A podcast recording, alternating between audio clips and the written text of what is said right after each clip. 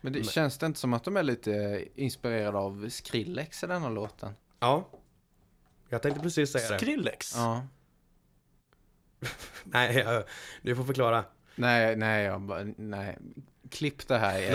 nej, nej, nej, nej. Det, det, Nu är det här för alltid Eli.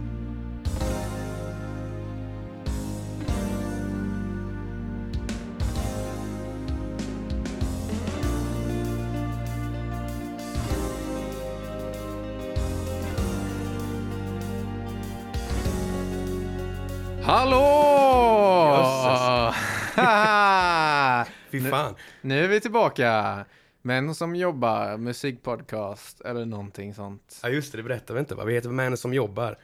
Vad sa du? Män som jobbar. Män som jobbar? Ja. ja. ja. Som, Trots att eh, ingen av oss jobbar officiellt. nej. Och har inte gjort på ett tag.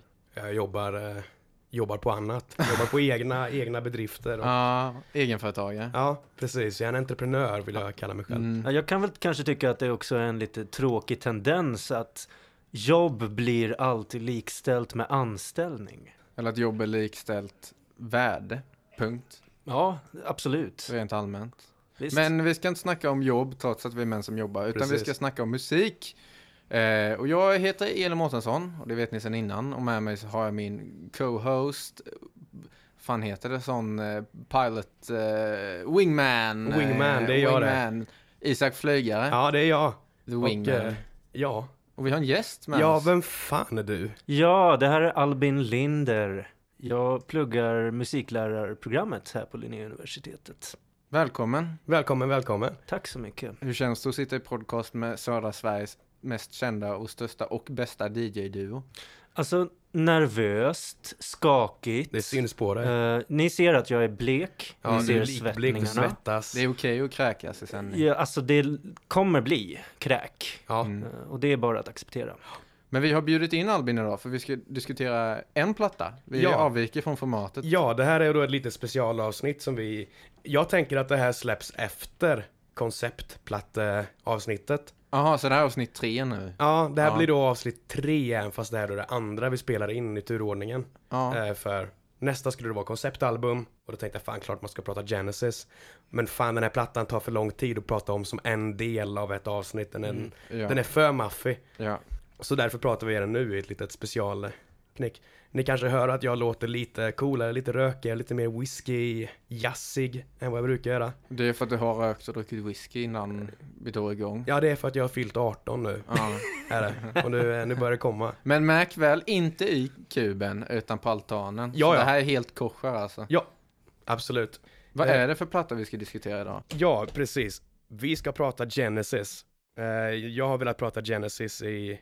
Jag, Så- pratar, jag pratar Genesis så fort någon låter mig prata Genesis Jag tror du ska egentligen. säga, jag har velat prata Genesis sen vi startade den här podden. Ja, För, för mindre än en vecka Två sedan. veckor Två sedan. veckor sedan just Ja. det. Du har ju varit döende nu i en vecka. ja, precis. Men kan, kan det vara så Isak att vi kanske är två av få personer under åldern 50 som gärna pratar Genesis när Ja. vi väl får tillfälle? Det, det är du, jag och sen en polare till mig. Jag tänkte jag kan dra den lilla anekdoten varför Genesis är i mitt liv så jävla stort just nu och varit senaste året. För jag, jag har en polare från Norrköping som vi brukar sitta och snacka online och lyssna på musik och sånt och sen Det börjar med att vi lyssnar på alla Chicago-plattor av någon anledning. Eh, ingen av oss är jätteintresserade av Chicago men det blev ju att det blev det för att vi lyssnar på alla plattor. Och sen blev vi klara med det och då bara, ja men vad fan vi måste ju fortsätta lyssna på någonting. Ja men vi kör Genesis. Och så kommer man in på att, men fan Genesis, då vill man ju lyssna på Peter Gabriel också såklart. Och, eh, ja men fan gör man det, då kan man lika gärna lyssna på Phil Collins också, det är ju trevligt. Och så börjar det spinna vidare, så då måste vi lyssna på Steve Hackett också. Och vi måste lyssna på eh, Tony Banks också, och Mike Rutherford också. Sen visar det sig att om man gör det här, då kommer man upp i en jävla massa plattor. Eh, Steve Hackett har ju släppt en platta i veckan nästan, han är ju musikvärldens buckethead. Så Till skillnad eh, från Buckethead. till skillnad från Buckethead som är han är inte musikvärldens buckethead. Nej, han är ju bara Buckethead. Nöjesparksvärldens Buckethead. Ja. Nej, det är Bert Karlsson. Det är Bert Karlsson. ja, nej men så Genesis har varit eh, så här, någonting som har gått på högvarv i min hjärna i mer än ett år nu. Vad har du för relation till Genesis? Ja, för att relatera till det Isak just sa, jag tror att Genesis har nog gått högvarv i min hjärna de senaste 13 åren, Ja. kanske. Jag har väl lyssnat på det mesta Genesis har gjort egentligen. Eh, och också, för, i, för jag tror faktiskt jag har lyssnat mindre på medlemmarnas soloprojekt än vad du har Möjligt. gjort Isak. Jag, jag har mest fastnat för hacket faktiskt. Ja. Eh, Men inte allt hacket, inte bluesskivorna, de tycker jag är Nej, fruktansvärda. vi, kommer, vi kommer in på det. Ja, vi spar det lite grann. Jag, Nej, har, jag så- har kommentarer att säga om hans bluesighet. Nej men det är väl egentligen min, min relation, skulle man kunna säga. Mm. Mm. Hacket har ju också en tydlig period som vi, jag och min polare då brukar kalla för före eller efter hans första Pina Colada. Just det. Exakt. Det är, det är en breaking point där på omslaget på Cure han har en Pina Colada och han blev aldrig densamma efter det. Han var för glad därefter. Det var för gott. Ja, jag tycker vi hoppar rakt in för det här är, det här är inte vilken jävla skiva som helst faktiskt. Det här är en Ja, jag- jävla mastodontskiva. Jag vill bara säga först att jag har ingen som helst relation till Genesis överhuvudtaget. Nej, Aldrig lyssnat på men jag gick in och lyssnade på deras topplåtar. Jag tror jag hade hört en. jaha. Men vad då? det måste ju ha varit liksom Invisible Touch och eh, Land of Confusion och... Jag tror bara det var Invisible Touch. Ja, Ja. Just det. Men Line of Confusion har du hört? ja, det vet jag inte. Jag tror inte. This is the world we live in. Oh, this is the band we get. Nej, det, Nej. det ser ut som ett frågetecken. Nej, inte, inte I can't dance har du hört. Eh, nej, jag lyssnade på det. Inte hört. Va? Nej. Så att jag, jag går in i detta med, med nyktra Ja, men. Genesis, Genesis har ju sina tydliga eror med Peter Gabriel i början som sångare, som är sångare på den här plattan. Vi pratar, kommer att prata om Lamb Lies Down on Broadway, som är sista som Peter Gabriel gjorde med bandet. Och sen efter det är det då trummisen Phil Collins som hoppar in och kör sång. Och då blir de mer och mer Phil Collins, för de är Peter Gabriel och eh, Phil Collins är väl nästan motsatser av varandra som människor Ja, men sätt. jag skulle också argumentera för, nu, börjar vi komma in på massor med grejer redan i början, men jag skulle säga att det finns två Phil Collins-eror. Ja, ja, Eh, herregud. Men men de är inte diskret frånskilda, det blir ju poppigare och poppigare och poppigare. Ja. Så det, det är svårt att säga exakt vart brytpunkten är. Det blir poppigare och poppigare ju mer låtar Phil Collins fick skriva helt själv. Antagligen också ju mer pengar de tjänade. Ja, Eh, för er som behöver visuellt stöd under detta så kommer Albin i efterhand göra en graf av alla eror av alla medlemmar i Genesis. Så Ja. att ni får lättare grepp om vad som menas. Ja, ett sånt där klassiskt tidslinjediagram ja, hade jag precis. När det är liksom eh, ja, Hackett's Blues. eh, Så vi får med Pina de olika genrerna i erorna, vilka musiker som var med, vilka in, olika instrument de spelade på i olika eror. Ja men allt ska med Ja, egentligen. precis. Eh, så det kommer komma upp någonstans. Ja, men- Det lovar jag nu. Jag, jag tänker lite snabbt i och med att du inte har någon relation alls till Genesis och vad, vad de olika bandmedlemmarna kom med till plattan. För det är ganska, det är ganska relevant för att diskutera den här plattan lite grann. Att eh, veta lite vad de olika medlemmarna är. Ja, alltså, jag, jag kan säga rätt simpelt så här. Jag älskar allt Ja, förutom sången. Jag tycker inte om Peter Gabriel. Jaha. Jag tycker, det är, jag tycker han är skit. Ja. Om jag ska vara helt ärlig. Resten är svinbra, toppen. Men han, typ, han drar ner så många av de låtarna så mycket. Enligt mig då. Ja. Jag köper det. Ja, Ja, ja, jag stoppar knytnäven i fickan och fortsätter prata. ja. Mm, kör åt, kör åt. Nej men alltså Peter Gabriel kom ju in med en nästan besatthet av det teatraliska i bandet. Alltså de fick ju ett rykte av att vara extremt teatraliska både i låtskrivandet och sen på scen. Peter Gabriel har ju olika jättespacade outfits på sig. Och han clashar väl där ganska mycket med resten av bandet bitvis framförallt. Men Collins, eh, han skötte ju sig själv men Banks var väl lite mer högljudd med sitt, sin kritik mot honom. Och den här plattan är ju, det är ju precis i slutskedet på hur mycket Gabriel kanske orkade vara med. Ja, det är ju liksom lite av en, en, en, motsägelsefullhet i att det är ju den plattan som Gabriel var med och skrev minst låtar på, men samtidigt kanske den absolut mest pretentiöst teatraliska Ja, skivan. han, han insisterade att skriva all text helt själv. Just det. Han vägrade låta någon ens vara inne och småpilla. Och det bidrar till det liksom grandiösa konceptet som albumet har som går vid sig. Men det är också ibland en av plattans största svagheter som vi kanske kommer in på sen. Mm. Men det är, jag har läst på lite om produktionen för plattan och liksom vad som hände och att det är ju keyboardisten Tony Banks och basisten Mike Rutherford som också, förutom Peter Gabriel, de ena två originalmedlemmarna i bandet, eh, som väldigt mycket pushade på att den här plattan ska handla om eh, den lille prinsen, den här franska småsurrealistiska berättelsen. Och Gabriel vägrade ju. Mm. Det hade ju varit ett ganska uppenbart eh, steg för Genesis att ta. De hade sin lilla menar, sago-image. Ja, absolut. Men det kanske också hade varit det tråkigaste steget för dem att ta. Jag tror det också. Jag tycker att det blir något slags det blir något intressant i mötet mellan de här lite mer mytologiska och sagoartade aspekterna och det här mer avantgarde-konst, postmoderna Ja. som Peter Gabriel drar med sig liksom. Ja, för den, den här plattan är Alltså, konceptet är ju ökänt för att vara skitsvårt att förstå. Folk bråkar ju än idag om vad fan plattan handlar om. Och det ska också vi göra i Ja. sinom tid. Och vi, vi kommer gå igenom varje låt för sig, allt är med. För jag vet att jättemånga som går igenom den här plattan tycker om att ta bort låtar för att nej men den var inte med från början. Eller den spelades in efteråt, eller den, den la Banks in. Och då kan vi få någonting som går ihop mer, men det, är- det Ja, är jag- fegis-taktiker, vi gör inte så. Jag var fan rädd för det, för jag lyssnade på eh, 2007 remaster bla bla bla. Ja, nej nej. Det Allt är med, Nej. allt är med. Ja, det är bra så att man Men inte det är bara sådana här fan-grejer som folk säger att nej men eh, Cocoon, Cocoon ska, eller Cocoon, Cocoon ska inte vara med där. Den är inte canon. Nej precis, den är inte canon eller I The Lamb Lies Down on Broadway Ja, ehm, Mytoset. mytoset, ja då är inte den canon. ja. Men Men den, eh, är, den är The Lamb Lies Down on Broadway Expanded Universe. precis. Nu, där snackar vi. Ja. Ja. Det är mina grejer. Det är, där har jag koll.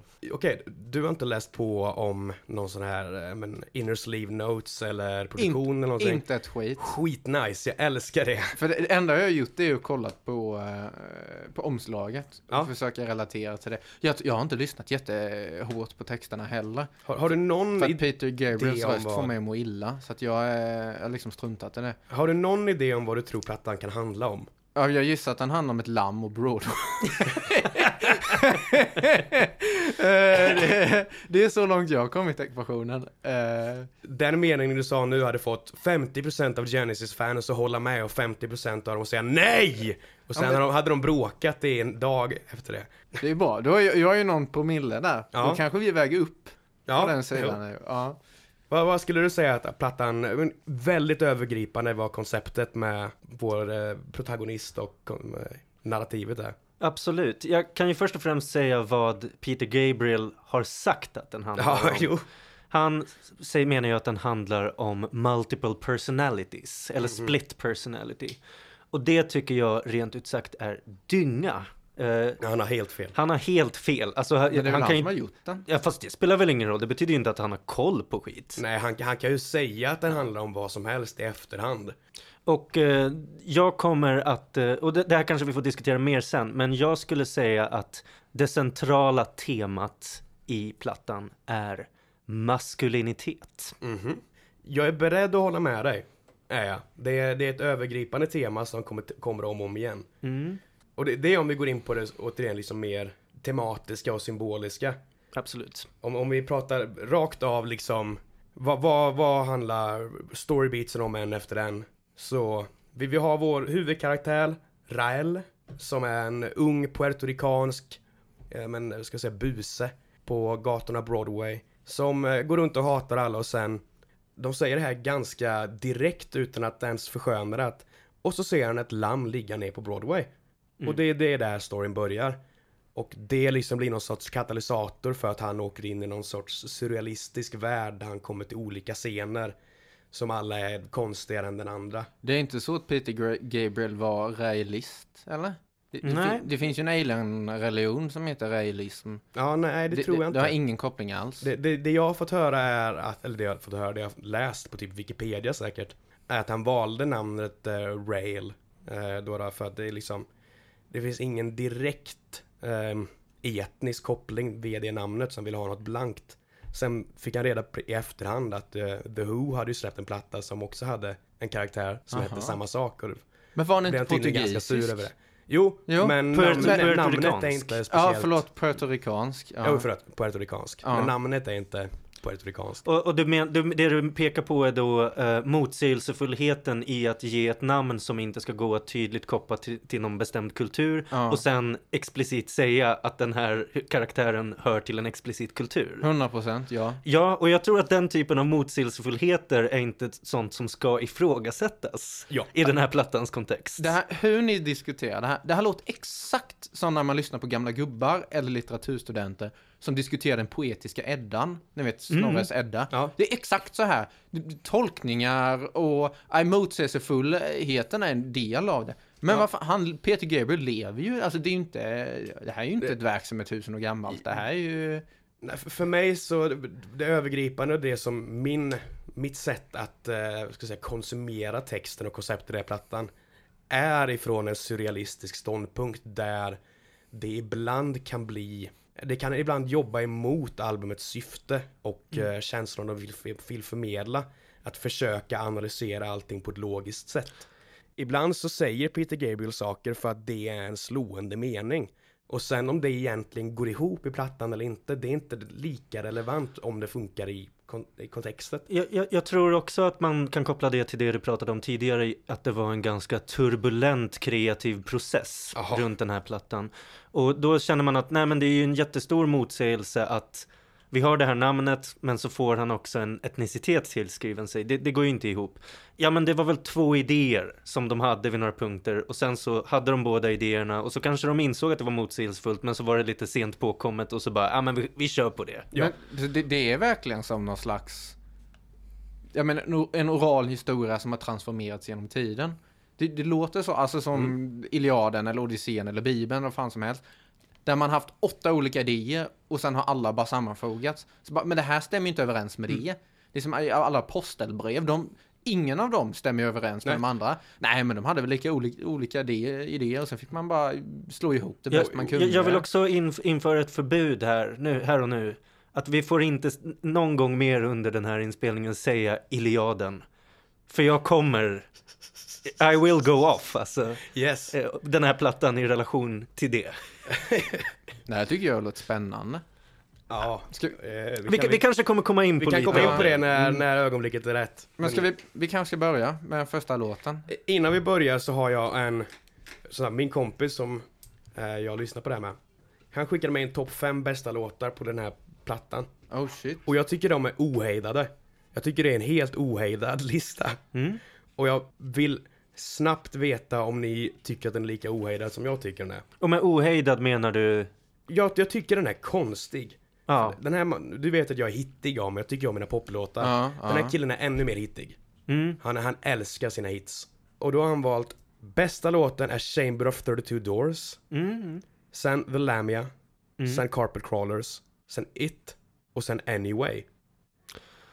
Ja, Jag tycker den är ohejdad.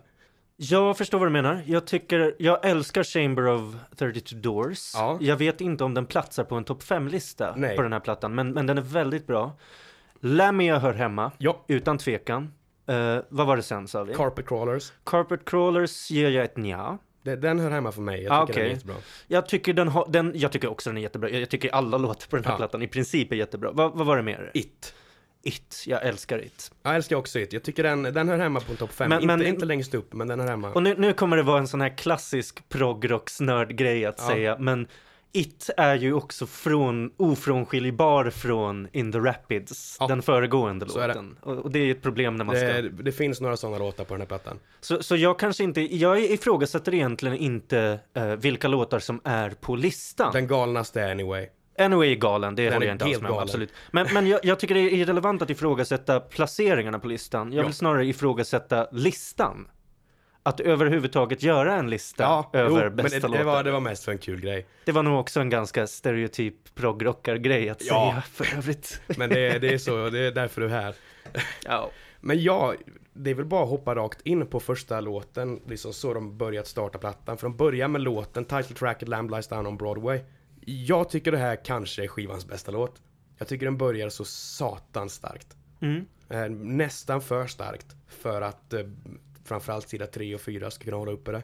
Jag tycker den är bra. Ja, Men jag tycker inte det är bästa. nej. Men den är bra. Jag, det är en, eh, jag har skrivit en redig popdänga. Mm. Ja, jag, jag håller faktiskt med Eli mer här tror jag. Ja, Jag tycker den är otroligt bra och, och som du säger Isak, stark inledning, väldigt stark inledning. Men jag tycker nog absolut att de lyckas hålla uppe energin vid vissa senare punkter av plattan. Jag håller Ja. med. Alltså. Jag, har, jag har dock inte lyckats hålla upp energi. Fy fan, man ser, om ni kollar mina notes här. Jag har skrivit, alltså om de här första, jag har skrivit skitmycket. Så går det bara ut va?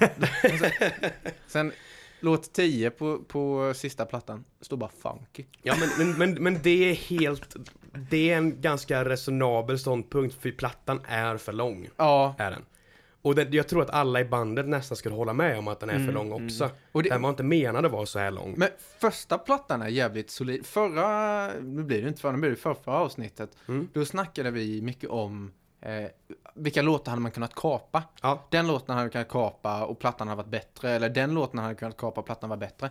Men fan, även om jag inte tyckte om alla låtar på, på första plattan. Mm. Man hade inte kunnat kapa något. Det hade blivit liksom skevt, det hade blivit Ja. för vajsing.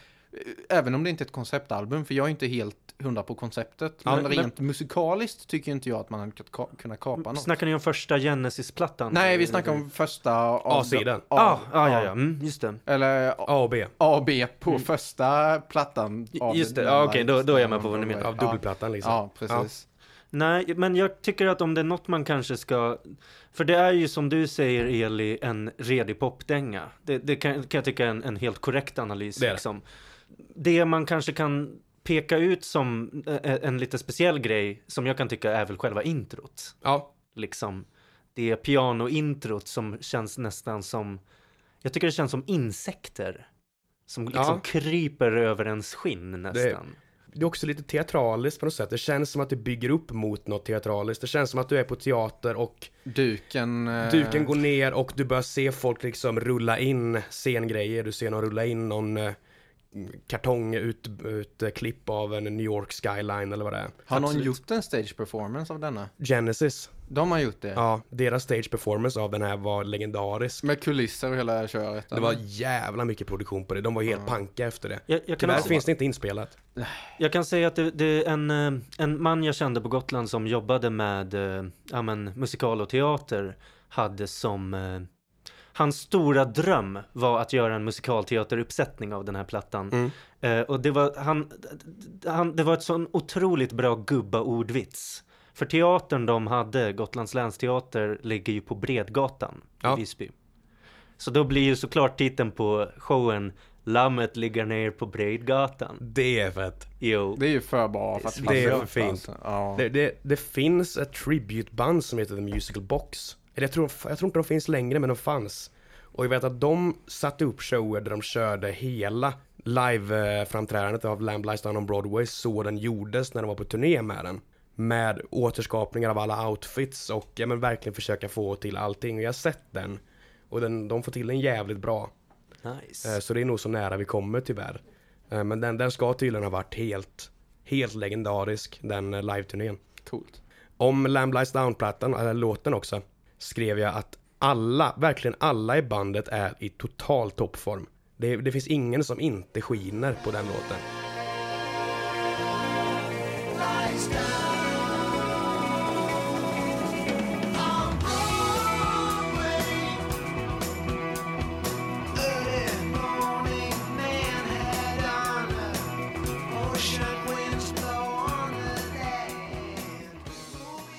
Jag vet inte fan vad hacket gör med sin gitarr, men han sitter, han sitter och runkar runt på den hela låten och det är fett är det. Ja, men jag, jag tänkte väl säga att om det är någon, någonting så, så är det väl att hacket är lite eh, lagd i bakgrunden av mixen. Men det Ja. hör ju kanske till normen för Genesis. Ja, liksom. det gör det. Det är ju det är ett rockband som inte gillar rock eller gitarr. Ja, Och, det- och, och trots det så är fan, på riktigt alltså, hacket och gitarren, genomgående platt, det är det bästa. Det, Absolut det är bästa jättekul att du säger det Eli. För när jag började lyssna på Genesis när jag var kanske 15-16. Då var jag en riktig bluesräv. Ja. Liksom. Jag lyssnade på skitmycket blues och sen så hade jag börjat lyssna på progrock. Och det jag tyckte var absolut, du, du, du tyckte Peter Gabriel, det står inte du ut med. Nej. Jag stod inte ut med Steve Hackett. Okej, Hans gitarrspel var fullkomligt oförnuftigt för mig. fan vad gott, för jag ju, älskar ju blues. Ja, ja, jag ja. kommer från en... Mm, Det, det, här, fan, vi, vi hoppar in på min, eh, det vi pratade om med blueshacket direkt då, då för nu det finns inget bättre ögonblick att hoppa in i det. Eh, för att Steve Hackett har då släppt bluesplattor senare i livet. Eh, han gjorde sina liksom progrockplattor och lite poppigare plattor, men sen släppte han bluesplattor. Eh, och de är inte bra, är de inte. Nej. Eh, och jag läste en intervju inför dem där Hackett säger någonting som fick både mig och min polare att säga att det där är bullshit.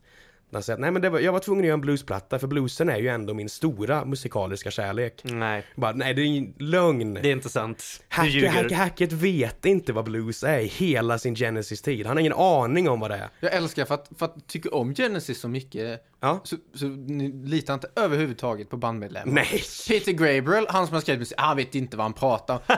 Och Hackett, vad fan då blues? Han kan ingen blues. Ja, men, men om man lyssnar på Genesis så hör man att det här är en gitarrist. Han har inga blues Nej, nej, gud, nej. inslag någonsin. Det är ju så jävla obluesigt som det bara kan bli. och det är det så i hela hans tid i Genesis finns det ingen blues. Alltså jag, jag kan säga en, om det är intressant att gå in på liksom speltekniska aspekter hos medlemmarna. Ja. Ni får klippa det om det är ointressant helt enkelt. Men eh, Steve Hackett har ett vibrato som är ett sidledsvibrato. Ja. Han rör fingret, eh, ja det är jättesvårt att beskriva i podcastformat, men åt motsatt håll eh, från vad de flesta Han rör elitarister det gör. upp och ner på halsen istället Precis. för på bredden. Mm. Och det är ju helt och hållet på grund av att han har en bakgrund som klassisk gitarrist. Ja. Därför att där gör man det. Ja, där är det ja. normen. Och det är liksom, jag tror att det var det som jag hade så svårt med Steve Hackett i början. Att han spelar inte gitarr som en elgitarrist. Nej, Eh, och det märks på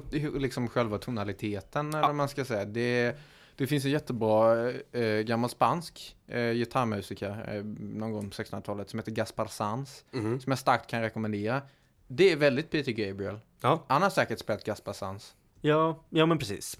Jag har också, för här kommer vi in på ja, men, storyn lite grann. De bygger upp en scen av den här puertoricanska Rael som går igenom Broadways gator och beskriver vad han ser på ett sätt som bara Peter Gabriel kan. Och ser det här lammet som ligger ner på Broadway. Jag vet inte vad det här lammet spelar för roll på något plan, symboliskt eller narrativt. Men det är en katalysator som sätter igång allt annat, att han ser det här lammet. Men jag har faktiskt ingen idé om vad det kan betyda.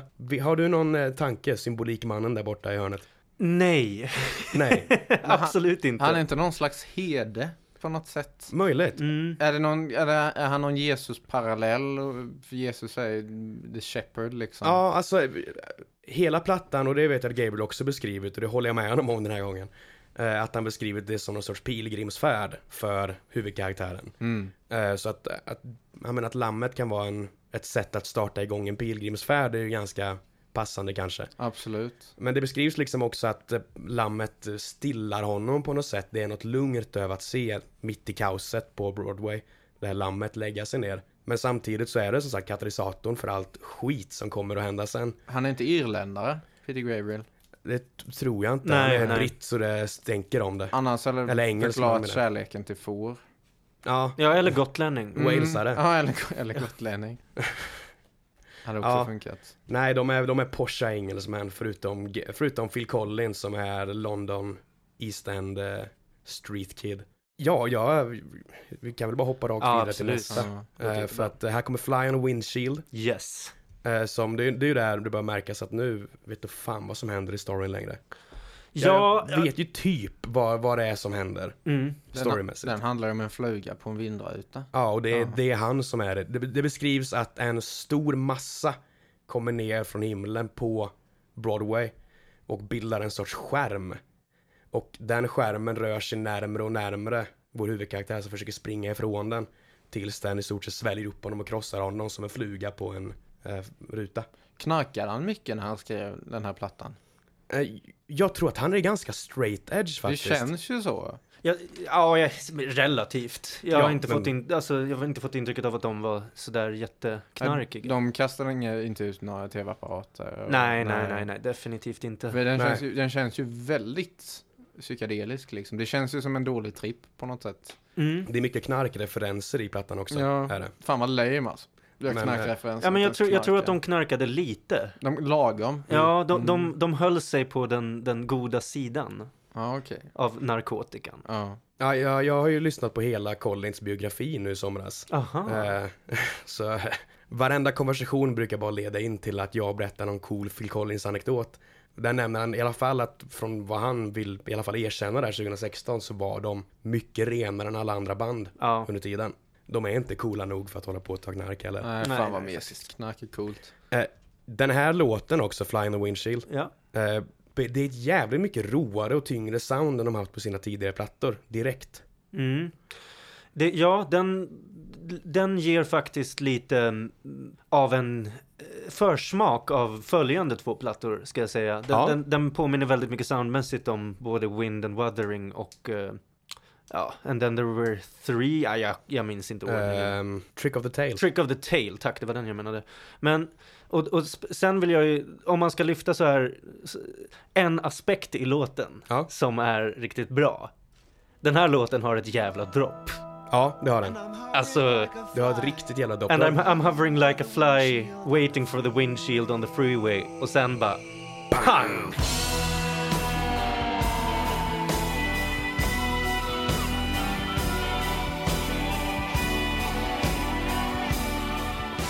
Det, det är ett galet dropp. Det är...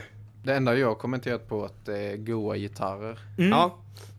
Det. Alltså det, det kommer vara väldigt genomgående i mina anteckningar att jag har bara gett Hacket massa beröm. Ja. Eh, och Jag- hatat jag- på Peter Gabriel. Jag har också gett hacket beröm. Jag har skrivit coolt solo och sen inom parentes hacket vet inte vad blues är. Det gör han inte. Det är en av få gitarrister som 0% blues, 100% rock. Ja. När det behövs i alla fall. Eh, Den här låten, på tal om de här låtarna som är svåra att prata om utan att prata om låten den glider in i. Mm. Det är svårt att inte prata om eh, Broadway Melody of 1974 Absolut. med den här, för de glider så himla mycket in i varandra. Eh, Så det är, i mitt huvud kan vi prata om det som samma låt egentligen. Absolut. Det borde ha varit en låt. Eh, det, jag, jag tycker om texten på den här framförallt, för det här är när jag tycker om Gabriel som bäst. Ja. När han bara beskriver vardagliga saker på ett konstigt sätt. Ja, eller vardagliga och vardagliga, men, men jag, jag fattar vad du menar. Och det här liksom, hans lite finurliga rimscheman Ja. och, och lite, ja, det är väldigt brittiskt, väldigt eh, liksom Monty Python-eskt på något vis. Ja, Jag tyckte den var tråkig. Mm. det är, ju- den här tycker jag är tung alltså. Den är tung. Eh, Alltså nu snackar vi Broadway Melody-delen, så att säga. ja. Det- Den är väldigt, väldigt mycket rockopera. Det är ju så mycket rockopera man kan göra. Mm. Typ. Eh, Men jag gillar inte rockopera. Eh, Eh, Nej, vi, vi kommer lyssna på mer rock. Nej men jag, jag, jag, tycker det, jag tycker det är något på spåren där Eli, för alltså musikaliskt är det en jävligt enformig låt. Ja, det är Alltså den. musiken är ju en, musiken är ju ett fordon för Gabriels text. Ja. För det är ju Gabriels text som gör Broadway Melody-låten. Men jag kan hålla med om att musikaliskt är den lite fattig, Mm. absolut. För jag har inte lyssnat så mycket på texten. Det förklarar ju saken. Ja, men det, det här är en textplatta. Det kanske är den mest textplattiga plattan som Gabriel gjorde med Genesis. Du, du kommer undan på de många andra plattor av att inte lyssna på texten och fortfarande få en bra uppskattning av musiken. Mer än vad du kommer undan med det på stora delar av Lamb i alla fall, inte alla. Eh, men stora delar av det. Ja. Jag vet att scenen här är att det är nog han blev uppslukad av skärmen och sen ser vad som händer vardagligt liksom, vad som hade hänt på andra sidan skärmen ser han genom skärmen. Eh, och de sakerna han beskriver här känns också sm- lite små förvrängda Mm. ibland. Surrealistiska, Ja, det, absolut. det är nästan som att det, det är verkligheten fast någonting är annorlunda. Det Vad är det? Ku- Klux Eh, Klan Ku Klux Klan serving hot soul food and the band plays in the mood. Ja, han beskriver någon charmig man som jag kollade upp och det visade sig att det var en viss en typ ganska känd våldtäktsman. Mm. Som han beskriver där i texten också. Eh, som han beskriver som han har blue suede shoes och charmig och eh, så att det är liksom en, någon sorts förvrängd verklighet som vår huvudkaraktär ser här. Eh, och sen blir det svart. Eh, storymässigt. Tills vi kommer in i nästa låt. Mm. Eh, som är en av mina favoriter. Aha, intressant. Jag tycker väldigt mycket om Cuckoo Cocoon. Eh, Den är, den är liten, den är simpel, den är bara... Det hade varit en bra låt Mm. om det inte vore för Peter Gabriel som gör det till en jättebra låt med sin melodi. Jag tycker melodin är jättebra. Mm. Eh, jag säger tvärtom. Det här var ett jättebra låt om inte Peter Gabriel har lagt sig i låten. Om det hade varit Phil Collins som hade sjungit. Ja, ja. Men, Men- de- den är ändå, den är ju väldigt liksom disharmonisk. Med, med en poäng Ja. gissar jag. Det är syftet. Mm. Men jag, jag tycker inte om det syftet. Men melodin, alltså jag, jag- tänker på framförallt, vad ska jag säga, refrängen, vad ska jag kalla det. Det här är som Cuckoo Cocoon, I've come too soon. Den där. Ja, Det är ju, det är ju, det är ju jättebra melodi. ja det är det. Men Phil Collins hade kunnat sjunga det bättre. Sen, men, men om vi kan ta ett bidrag som Peter Gabriel gör till låten som jag ändå tycker att vi borde kunna enas på, Eli. Det är ju ett fantastiskt flöjtsolo. Ja just det, det är med Ja. Flöjten med Peter ja. Gabriel på den här plattan. Det, ja, det får jag ge han. Han Mm. kanske skulle ha hållit sig till blås. Bara rent allmänt. Han spelade ju oboe på någon platta också. Ja, det kanske han gjorde. Jag, har- jag har inte lyckats, under alla mina år av lyssnande, lyckats klura ut vad det är för låt han spelar oboe på. Men jag har sett det i liner notes på plattan. Men det måste gå... eh, Det skulle kunna vara... Det skulle kunna... Ja, men det, det, vet du vad? Jag får kolla upp det. Vi kollar, Vi upp, kollar det. upp det. Vi kanske kollar upp det i vår kaffepaus sen. Ja, Mm. det får vi Eh, göra. Jag tänker att vi tar kaffepaus sen när vi kommer förbi eh, 32 Chambers. Mm. eh, ja. Jag, jag, är så, dum, jag har ju inte skrivit min, så jag bara går ju efter... Jaha, Efter, nu, nu, nu har vi haft låt fyra. Ja, du får, ge, du får ge Eli siffror också Isak. Ja, jag behöver siffror här borta. Eh, ja, då är vi på låt fem nu, för jag tycker vi, vi det är inte jättemycket man kan säga om Cocoon Cocoon. Han vaknar upp, Ja, men det är en bra låt. ja, han, han vaknar upp i någonting som verkar vara som en kokong. Han verkar vara ganska nöjd i den, verkar ganska trygg i den. Jag, jag vill faktiskt säga en sak om den låten och jag Ja. tycker att det är en, viktigt att, att tillägga i, i relation till att du sa att det är en av dina favoriter. Ja. Och det är att jag tycker att det är en av de onödigaste låtarna på plattan. Jag vet att den var inte med från, den var ganska sent inlagd, Mm. var den.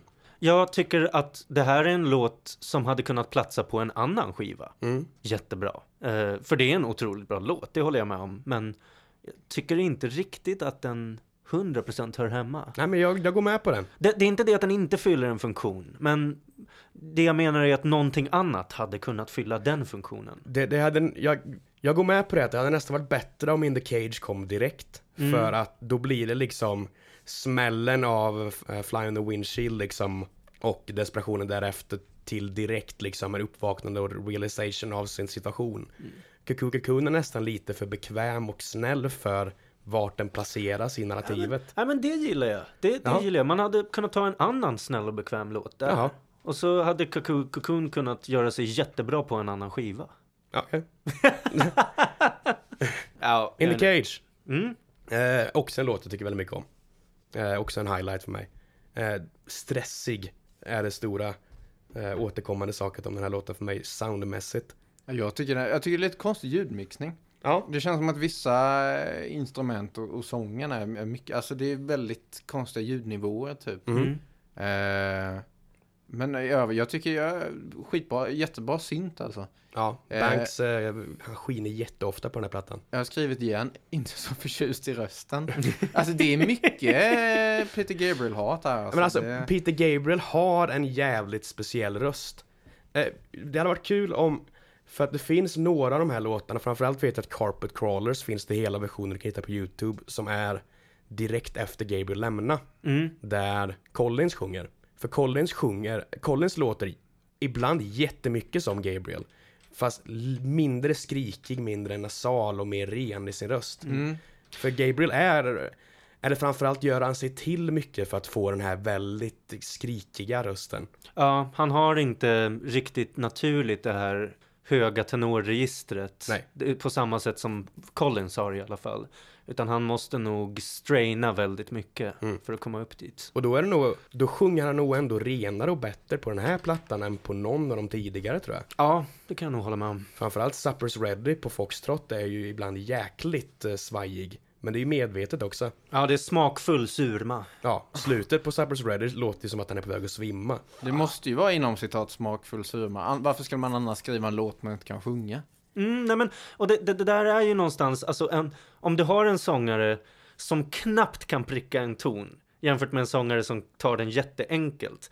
Du får ju den här desperata kvaliteten Mm. i klangen hos den sångaren som inte riktigt har registret. Och det kan ju vara rätt önskvärt i vissa instanser. Det Det, är som Klaus Klinski. vet jag inte vem det är.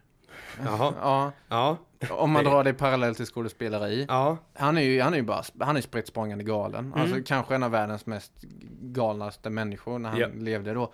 Eh, och det var därför han var så jävla bra skådespelare med. Men är inte det lite samma som Nicolas Cage då? Ja, fast Nicolas Cage, tar, han, är, han är liksom medvetet konstig. ja. Jag tror inte Klinski, alltså han, Ja. han förstod inte att han var konstig. Han tänkte att han, han var ju fullt normal. Det var alla andra som var dumma i huvudet. eh, Cage har ju det som en medveten del av hans skådespeleri för Absolut. att uttrycka sig. Kinski, Kinski var ett monster. Ah, Ja. okej. Ja. Kinski är som sagt Det finns ju den här filmen. Ja, vi vi Werner Herzog jobbar jättemycket med Kinski. Mm. Och har gjort en film om Kinski som bara handlar om att de jobbar med varandra och hur mycket de ville döda varandra hela tiden. Ja. Och det är bara en hel film som, som bara handlar om deras mordförsök på varandra.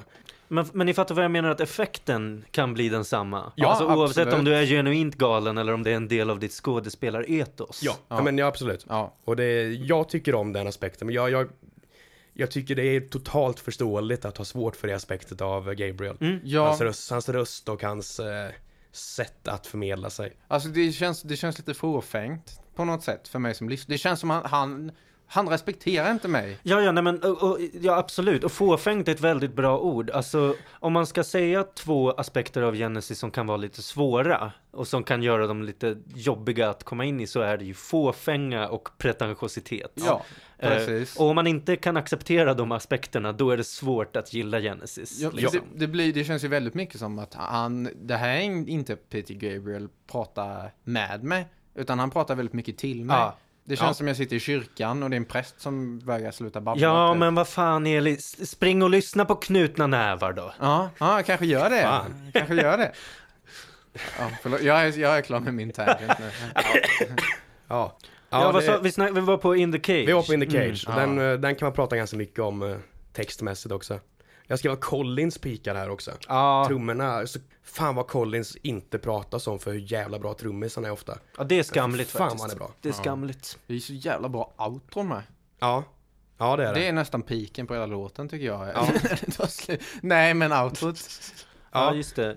Raindrops keep falling on my head, Ja. keep falling on my Ja, men precis.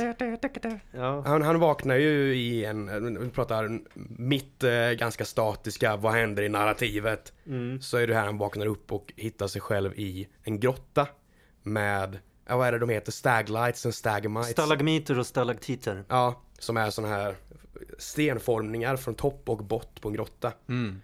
Eh, som, film, som formar en sorts bur runt honom som kommer närmare och närmare honom. Det, det finns många sådana delar i den här plattan där jag har svårt att köpa hur den beskrivs att den gjordes. Mm. För att musiken beskrivs som att den i stort sett helt och hållet gjordes när de spelade in den. Mm. Av att de jammade. Det tycker jag låter rimligt. Eh, ja, men ibland, pa- ibland passar musiken nästan för bra med texten. För att det bara ska vara småjam. Det här är inte en Gabriel-sång alls. Jo, men det man kan tänka på då är att ja, men de har jammat för sig och sen har texten tillkommit på en annan plats. Hur mycket musik finns det som vi inte har hört? Ja, jo. Om de har fått en text så kan, har de ju verkligen kanske kunnat välja och vraka mellan Ja. olika musikaliska material. Så, Om- så där är det inte så konstigt att man lyckas hitta något som passar så pass bra. Ja. Om det är 24 låtar så kanske de har gjort 40. Och Ja. sen har de plockat det som passar. Ja, det var en jävla lång process att göra plattan också vet jag. Sen, Ja, sen för narrativets skull är det ju viktigt att vi, vi kommer ju i kontakt med vår, eh, en, viktig, en till viktig karaktär Japp. i den här låten. John. Raels bror. Ja. Kan jag säga det utan att eh, bryta rösten. John. Där har vi det. Han ser ju John när han är på väg att bli inburad av den här grottan. Okej. Som, och ser honom och, som smiter iväg liksom. Ja, han går ifrån honom. Han, han lämnar honom i sticket. Mm. Är det någon slags eh, Kain och Abel-referens nu? Oh. Oh. Nej, jag tror faktiskt inte det. Eh, det, det. Det finns andra aspekter som man kanske skulle kunna koppla det till. Men, men, Ja, men det- det vet du vad? Fan, låt mig fundera en liten stund Ja, på den. gör det. Ja, Du får grunna. Mm. Ehm, men ja, den här buren kommer närmare och närmare honom och sen när han ser sin brorsa försvinna och nästan krossas ihjäl så försvinner den och det beskrivs att han helt enkelt börjar snurra. Han börjar snurra okontrollerbart och det är där låten slutar. Mm. Eh, min enda, nu Isak som försöker förstå sig på symbolik. det här skriver, för de använder revolves och då är symboliska, du vet, filosof Isak har då skrivit revolves, revolt, rebell. Han är en rebell. Jag gillar det. Där har vi det. Det är inget korsord vi löser här. Det var jag. Det var så mycket symbolik jag fick in. Ja, det är bra Isak. Du, du är så duktig. Tack. Men Eh. jag, jag, jag, skulle, jag skulle inte helt avfärda det här. Alltså, för att revolving och revolution handlar ju om en fullkomlig omkullkastning. Ja, det om, det är ju om- samma Att ställa grundbult. någonting på sitt huvud liksom. Ja. Och jag skulle säga, och det kommer vi komma mer till senare, men jag skulle säga att det inte är helt... Eh, det är ändå till viss del i linje med vissa Ja. tematiska aspekter av plattan. Jag går med på den. Mm. Det var det jag hade om plattan, om den här låten med det. Ja, jag är också nöjd. Jag tycker inte jättemycket om den här låten. Nej. Eh, Förutom in, eller outrot. Ja, det, ja, men, ja men outrot är väldigt Ja. bra. Det är ett starkt outro. De skulle bara kört outro. Ja. Instrumentalt. En hel platta med dubbelalbum med bara outros. Mm. Nej, ja. 85 låtar. Första plattan av dubbelalbumet, det är ett intro. Och Ja. andra plattan, det är ett outro. Ja, exakt. Mm. Nästa låt är kanske den konstigaste brytpunkten narrativt i plattan. Den som jag har svårast att förstå. Hur fan hamnar jag här? Och det kanske är poängen. Eh, The Grand Parade of Lifeless Packaging Mm. kommer sen. Ja, jag har skrivit att det låter som en parad, för det står Grand Parade. Eh, Som en bandparad, lite marschig i ljudet. Eh, jävligt statisk. Mm, det, ja, den är väldigt marschartad i, i rent musikaliskt Ja. kan man ju säga. Jag ska, håller faktiskt på att leta upp, för om det finns en låt där jag tycker att liner notesen från LPn är, eller du har ju LPn här. Jag har LPn här. Ja men vad fan, Det bara behöver jag inte sitta och googla. Som en, jag är ju trots allt en ludit, så Ja, eh, det, det, det passar mig inte att sitta och kolla på grejer på mobilen. Nu ska vi se.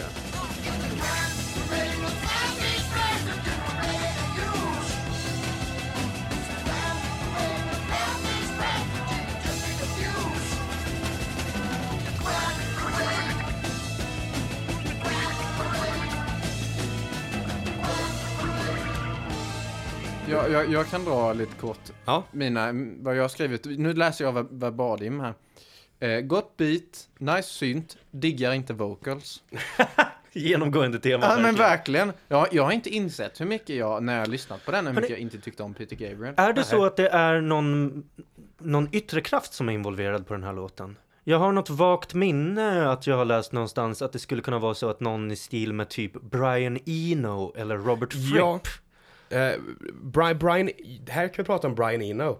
Brian Eno är med och hjälper till på den här plattan. eh, Bitvis. I utbyte mot att Phil Collins skulle spela trummor för honom på hans egen platta. När du sa I- yttre makt, då trodde jag rent tematiskt att du snackade om någon slags gud. Ja, ja, någon, någon, form av deistisk gestalt. Ja, precis. Men det, det var inte så. Nej, tyvärr. Nej. Det finns Brian Eno-influenser på den här plattan Ja, här och var. Även Definitivt. fast Tony Banks envisas med att det inte finns några. Eh, men det är för att Tony Banks är skurken i, i Genesis. Ska, ska jag läsa liner notesen på den här? Gör så. Det, det tyckte jag var det mest intressanta när jag läste igenom det. When all this revolution is over, he sits down on a highly polished floor while his dizziness fades away. It is an empty modern hallway, and the dream doll sales lady sits at the reception desk. Without prompting, she goes into her rap.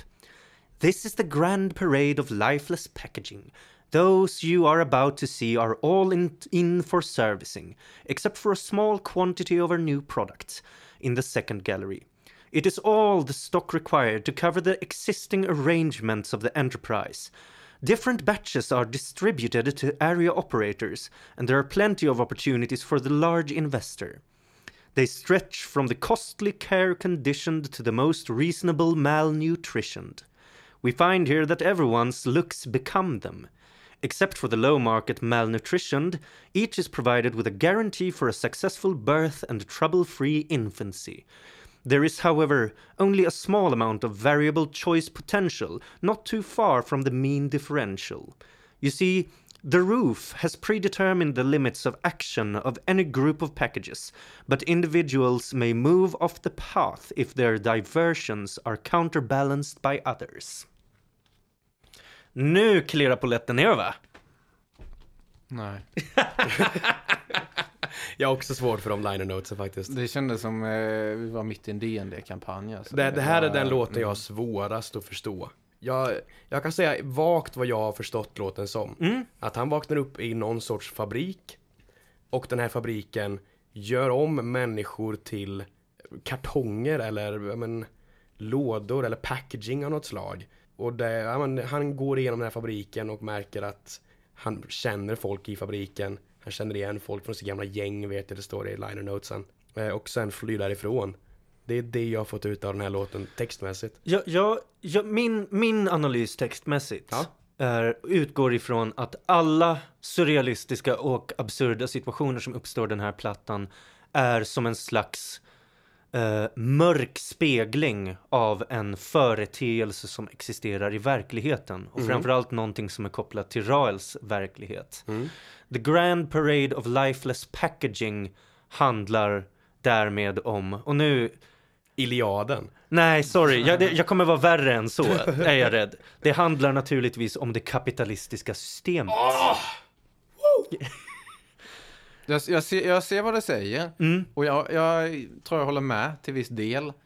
För det låter verkligen, nu, jag har ju ingen koll på det här alls, men eh, som det, liksom the packaging är att man blir paketerad i en kostym och sen ska Mm. du gå till ett kontor. Ja, eller i en det- roll, eller i en, ett kön, eller vilken identitet. Det kan, det kan vara en yrkeskategori också. Ja. Men någonstans måste vi paketeras in i att fylla en funktion i det stora maskineriet. Mm. Det är min tolkning. Och då är fabriken någon slags skola då? Eh, Eller bara systemet, ja, livet. livet? En, en aspekt av livet. Ja, precis, verkligen. Shit alltså. Ja. Peter Gabriel visste vad han menade. Ja, sen, sen kanske jag inte vet, ty, tycker att det textmaterialet nödvändigtvis fyller en så jättestor narrativ funktion. Nej. Eh, Liksom. Men det är ändå, det går ihop med för att jag vet att, så att det beskrivs att han ser folk av sitt gäng som han är med i New York. Han Ja. ser några av dem på bandet. Eh, Han ser sin bror också. Mm. Och att det, det kan på något sätt visa att det här är några av hans gäng som till slut faller, fall, eller faller in i eh, men, faller in i status quo på något sätt, faller in i det normala, det som ska vara. Mm. Där han, ja men hans stora personlighetsdrag från början i alla fall är att han inte vill det. Mm. Han är motsatsen och till slut lämnar han ju fabriken också. Han vill inte vara där, han går därifrån. Men det, det är också ett, ett till tema som är genomgående i plattan är idéer om förstörelse och födelse. Ja. Och det här har ju att göra med någon slags födelsemekanism. De pratar ju om det att alla modeller har, vi garanterar att everyone will reach an, a, a safe infancy except for the most malnutrition. Ja. Eller vad det är de säger i Japp. the liner notes. Det. Liksom. Att det är här vi paketerar in. Så någonstans kan man, skulle man också kunna se den här Grand, package, eh, Grand Parade of Lifeless Packaging som den hormonella processen i livmodern. Det skulle kunna vara en annan tolkning. Ja. Ja, Ja. men det, Jag, jag tycker det är kul när man analyserar sånt här. För det är verkligen ett antagande att personen i fråga som har gjort låten är smart nog att tänka ut sådana här saker. Jag, jag, jag tror ofta att folk som gör, alltså olika verk som ofta analyseras till höger och vänster, att de är inte så smarta som de teorierna som Nej, folk nej. tillskriver. Men det- jag, jag tycker abs- nej, vi, Nej, nej, jag tycker inte att vi ska ta, ta någon inte. intention i beaktande här. Det, Nej, är, nej. det är onödigt. Det är mycket roligare att bara spinna runt på vad som helst. Det är det Ja. absolut. Det var bara, var bara en observation. Ja. Det känns ofta som att det Ja. är så. Ja. Och, det, och det, är, det är kul med intention också. Det är kul att sitta och småskvallra om eh, de som har skrivit plattorna och åh, vad tänkte Har du hört om vad Gabriel Ja. gjorde där och vad han menade där och bla bla bla bla bla. Eh, Men samtidigt så som sagt, vi har ju redan gjort ganska tydligt att ibland skiter vi i vad Gabriel säger men- när det passar Ja. oss. Ja, precis. Vi kan prata om intention när vi tycker att det är intressant och Ja. sen kan man skita i det ifall det inte blir intressant för någon annan reflektion liksom. Ja. För jag tycker det är spännande. Det är, som, det är många som typ med, ja men Animal Farm och den gamla havet. Så här, vad, symboliserar, vad symboliserar den gamla havet? Det är en snubbe och en fisk. Det är vad det symboliserar. Ja, ja. Hemingway skrev en bok om en snubbe och en fisk. Det är Hemingway som säger att han gjorde det. Jag tror att han ljög i och för Ja. sig. Ja, Hemingway var, Hemingway var nog full av skit. Finns det någon som jag tror ljuger om vad Gamla havet handlar om så är det Hemingway. Ja, gud ja, gud ja. Den handlar, det, man kan tolka den så metaforiskt man vill. Det handlar om en gubbe och en fisk. Ja. Ska det. vi, ska vi gå vidare kanske? Det, kan känns vi som att vi... Ja, det kommer ta sin lilla lite tid här. Bara små grej för att jag har sagt jag måste dra alla, alla konversationer tillbaka till Phil Collins. Eh, för det, det är så jag är som person. Det min favoritgrej Phil Collins-boken och det kommer in till att Brian Eno är med på den här plattan. Och att han i stort sett blir utbytt av Brian Eno att Phil Collins skulle spela trummor för honom. Mm. Phil Collins i hela sin bok pratar skit om massa andra musiker och säger att de är dåliga. Eh, så typ, han beskriver att ganska tidigt att åh, jag var på den här puben när jag var liten i England och så massa stora band. Jag såg till exempel Yes innan deras första platta när de fortfarande var bra. Sånt kommer han in med hela tiden. Och hans kommentar om att men det var kul, jag fick träffa Brian Eno där och spela för honom. Jag var inte jättespänd att göra det för att jag aldrig tyckt att Roxy Music varit bra. Men eh, Herregud. han har sånt hela tiden. Så att eh, det är det, det är det Phil Collins har att säga om Brian Eno, det är att han tycker inte att Roxy Music är bra. Kan, jag, alltså, jag tänker inte inte hålla med. Jag tänker, tänker bråka med Phil Collins om det. Jag tänker starta slagsmål med Phil Collins om det. Men du älskar ju Phil Collins. Jag älskar Phil Collins, men jag älskar också Roxy Music. Men vi, vi två kan ha ett jätteoentusiastiskt handgemäng om Roxy Music Ja. sen, tänker jag. Jag Jag, jag, jag brinner inte för det, någonting någon i den frågan. Ja. Ja. Eh, Mm. näst, vi hoppar vidare Ja. till nästa. ja. Mm, Back ja. in New York City. Vilken, vilken, vilken. Låt nummer... Siffra. Är det fem eller sex? sex sju. Sju. Det är Sju. förs- första Sju, låten sju. på sida två. Ja. det, det är låt sju. Eh, den går i en sjutakt också, den går i en fet sjutakt. Ja, det är en jävligt fet sjutakt faktiskt. Det får jag hålla med om.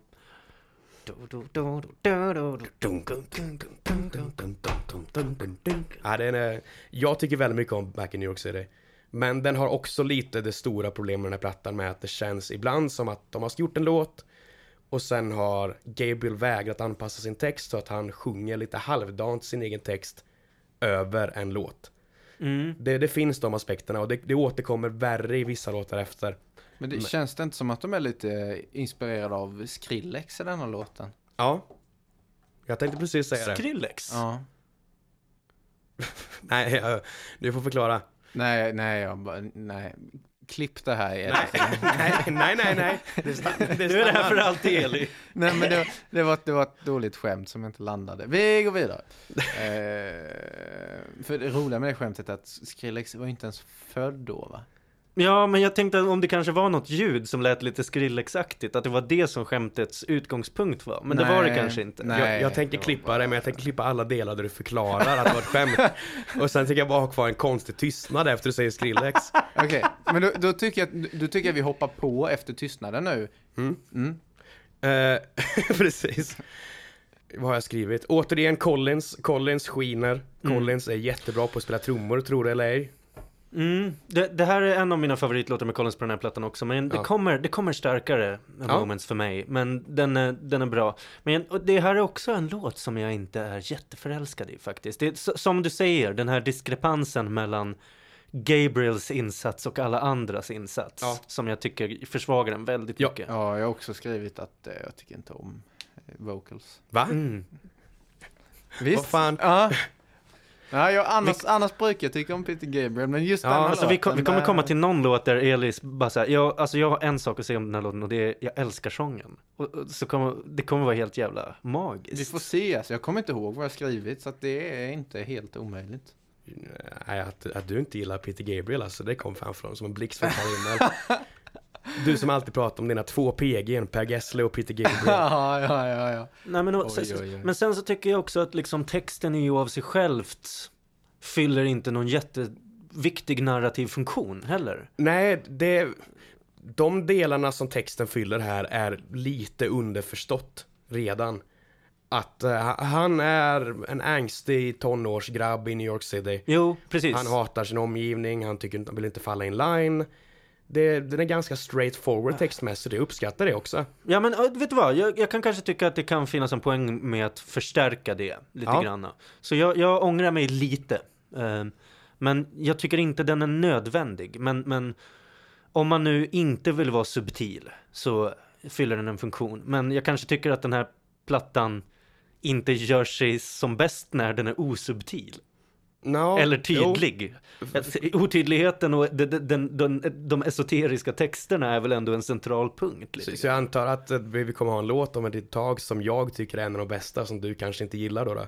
Men Det- det, det kommer vi till sen. Vi får se, vi får se. Mm. Mm. Men det finns en del också i den här låten som är den uppenbara delen att prata om nästan. För det är sagt väldigt straightforward text. Mm. Förutom när det kommer till att han kelar med ett pigsvin. Det här minns jag inte. Eh, den här uh, Hairless Heart som är låten efter. Mm. Den har ingen text. Utan texten till Hairless Heart som går ihop med Hairless Heart är ju i den här låten. Ah, för jag har, jag har ju bara hittills tolkat Hairless Heart eh, utifrån liner notesen. Ja. Men då, då, det är intressant faktiskt. Ha- Hairless Heart är instrumental så att vi får prata om texten där. För att det är Mm. Teenage Angst, Break, där det är att Ja, han, är, han har varit på en raid i stort sett med sitt gäng. Mm. Kommer hem, kelar med ett pigsvin. Och pigsvinet säger åt honom att allt är okej eller någonting. Och sen beskrivs det att han har ett hårigt hjärta som liner notesen beskriver de rakar med ett rakblad. Just det. Eh, låten beskriver det som Your fluffy heart is ready for rape. Just det. Det är mycket jag inte minns här, minns jag nu, som bara kommer tillbaka till mig. Ja, Men kan piggsvinet vara någon slags modefigur? möjligt. Att hon är, hon är sticksig, men ändå kärleksfull. Ja. Mm. Eh, Min tolkning är att piggsvinet är Raels penis. Mhm. Och vi kommer att återkomma mer till det senare. Det, det är en tolkning är det. Det är en bra tolkning. Ja, okej. Det, det är jättemycket snusk och penisgrejer i den här plattan. Mm. Det? Vi har inte kommit in till något av det nästan än. Tur att jag har missat allt det då. Ja, du, det... Men det kommer nu. Pun intended. Ja, nej men jag går med på det. Att, ja, men kela sitt piggsvin att onanera. Mm. Eh, till och med kanske. Och som att han kommer hem efter en räd Ja. och liksom dra, så att säga drar en ronk. Ja. Mm. Eh, kan, Sofistikerat ändå. kan Fluffy Hard is ready for rape vara på något sätt någon sorts, ja men bli av med eh, sin egen, alltså inte oskuld som att ha haft sex utan oskuld som eh, vad det ordet egentligen betyder, innocence i det. Det är en, en tolkning, absolut. Och jag tänker inte motsätta mig. Nej, För fluffig brukar ju vara fluffigt och sött. ja, Sen rakar han bort det och blir kall och hård. Mm. Pun intended igen. Ska vi gå till nästa låt? ja, det? jag har en line på den för den är ganska kort där och ganska straightforward. Mm. Och det är att det hörs på mils avstånd att det är Hackett som gjort den här låten.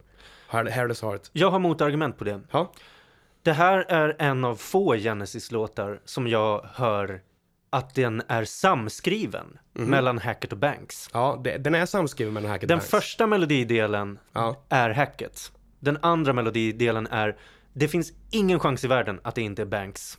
Jag garanterar det. Ja, men jag, den är samskriven är den. Mm. Jag tycker den är bra för att det... För du slipper Peter Gabriel. Ja, nej, va? Ja, ja. Eh, ja, ja, men jag håller med. Jag, jag ska faktiskt säga att den här kvalar utan problem in på min topp 5-lista. Ja, Eh, det är en riktigt jävla bra låt. Jag kan nog fan vara med på det alltså. Ja. Ja, jag tycker i och för sig att det är poänglöst att göra en topp 5-lista på en platta I- som det här, men... Fuck you man. Men vi, vi, nu går vi... Vänder mina egna vapen ja, vi mot kan gå mig. vidare rakt på, Ja. för det är inte jättemycket att prata om på den här plattan. Att, men att den är jävligt tight och jävligt eh, bra. Mm, det, och det är också... Det, det man kan säga, okej, vad är det vi menar egentligen när vi säger, ja ah, men det här är Hackett och Banks, vad innebär det? Va, va, vad är det vi snackar om? Hackett och Banks är... Jag, jag skulle argumentera för att Hackett och Banks är de enda två riktigt proggiga snubbarna i Ja, Genesis. absolut. Och, och det märker man på den här första melodislingan som spelas på först klassisk gitarr, sen Ja. elgitarr. Harmoniken där, och jag ska inte nörda in för mycket, men det här rör så jäkla mycket Ja. till 16, 17, 1800-tals musik. Liksom. Mhm. Och det är, det, är, det är därför man, du, som du sa direkt, man hör direkt att det här är hacket. Ja, Liksom. Vadå, du menar att du, det är blues som hans grej, eller vad menar du? Men sen den andra melodidelen, det är liksom vissa konstiga förlängningar av takter, Ja. vissa lite små, inte jazziga, men, men, men konstiga ackordbyten som Ja. är så jävla signifikanta för Banks liksom. Och allt över en melodislinga som bara följer en enkel mollskala. Mhm. Liksom. Allting händer i lagren runt omkring. Väldigt bra låt. Jag gillar den. Ja, jag har inte jättemycket att lägga till på det. Jag, jag, vi, vi går rakt vidare. Ja. Till en låt som är en av mina favoritlåtar. Mm. Jag kan, Eh. jag kan säga så här att detta är min favoritpunkt Åh! på denna plattan. Jag tänkte, jag tänkte precis säga att jag hade gissat att det var din favorit Ja, också. ja. Counting of time. Ja, ja, rent låtmässigt så hade nog jag också gissat det, men jag tror att jag hade också kunnat säga att du hade kunnat säga motsatsen. På grund Okej. av att Gabriels sång tar en så central roll i den här låten. Men jag tycker i resten är så bra så att det är, man, man kan fokusera Mm. på allt Ja. annat för att allt annat är så jävla bra. Jag, jag skrev på förra låten att det hörs på mils avstånd att det är hacket. Min kommentar första på den är att det hörs på mils avstånd att det är Gabriel. Mm, Det här absolut. är så jävla Gabriel. Ja. Kan, kan vara inslag av Rutherford också, men absolut Gabriel. Mm. Jag, jag ska faktiskt säga att den här skulle nog kunna kvala in på min topp 5 också. Ja. Eh, Den är... Den passar i plattan men den hade också passat på vilken platta som helst. Ja, jo. Och den är det- så jävla charmig. Det kan, precis, vi, vi hade som kritik mot Kaku Cocoon att, att jag sa att den hade kunnat vara på en annan platta. Ja. Den här hade definitivt bara kunnat vara en låt på vilken skiva som helst. Ja, ja. Men På- fy fan vad den är charmig. Ja, ja. Och den det- är rolig. Ja, Mm. den är den, den här typiska, typiska Peter Gabriel-humorn i texten. Peter liksom. Gabriel-humor.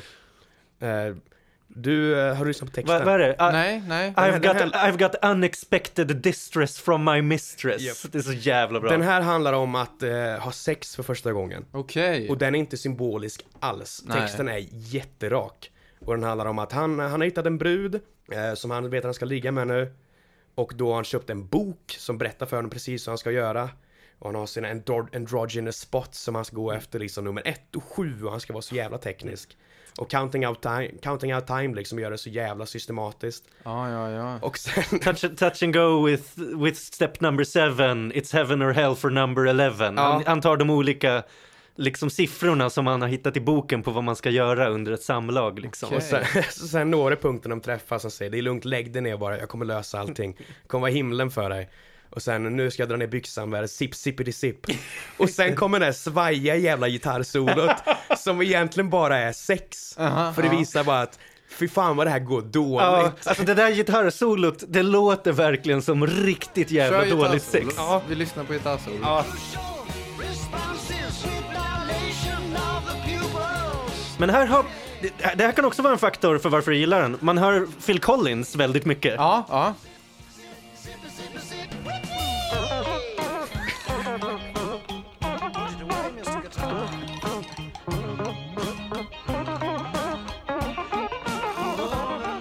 Roll over Casanova.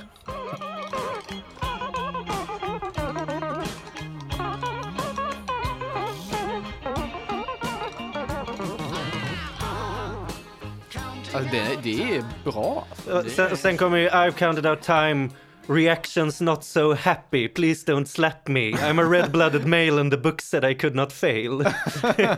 Nej, det är så jävla rolig låt. ja, den är fan, det är klockrent alltså. Ja. Det är... Men det är, det är Phil Collins och eh, Gabriel som nästan kör direkt duett på den här Ja, låten och också. jag, jag tror det är därför, för Collins maskerar lite Ja. Peter Gabriels... Han, han har ingen solosång på den här, Collins. Det har han haft på de tidigare plattorna. Mm. Ja. Men inte på den här.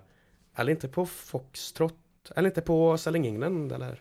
Han har två sololåtar på de plattorna. Den ena är For Absent Friends, For den Absent andra är... eh, For Absent Friends är på Nursery Crime. mm, och sen Eh, finns sen ju också den... More Fool Me, More Fool Me. på eh, Foxtrot. Precis.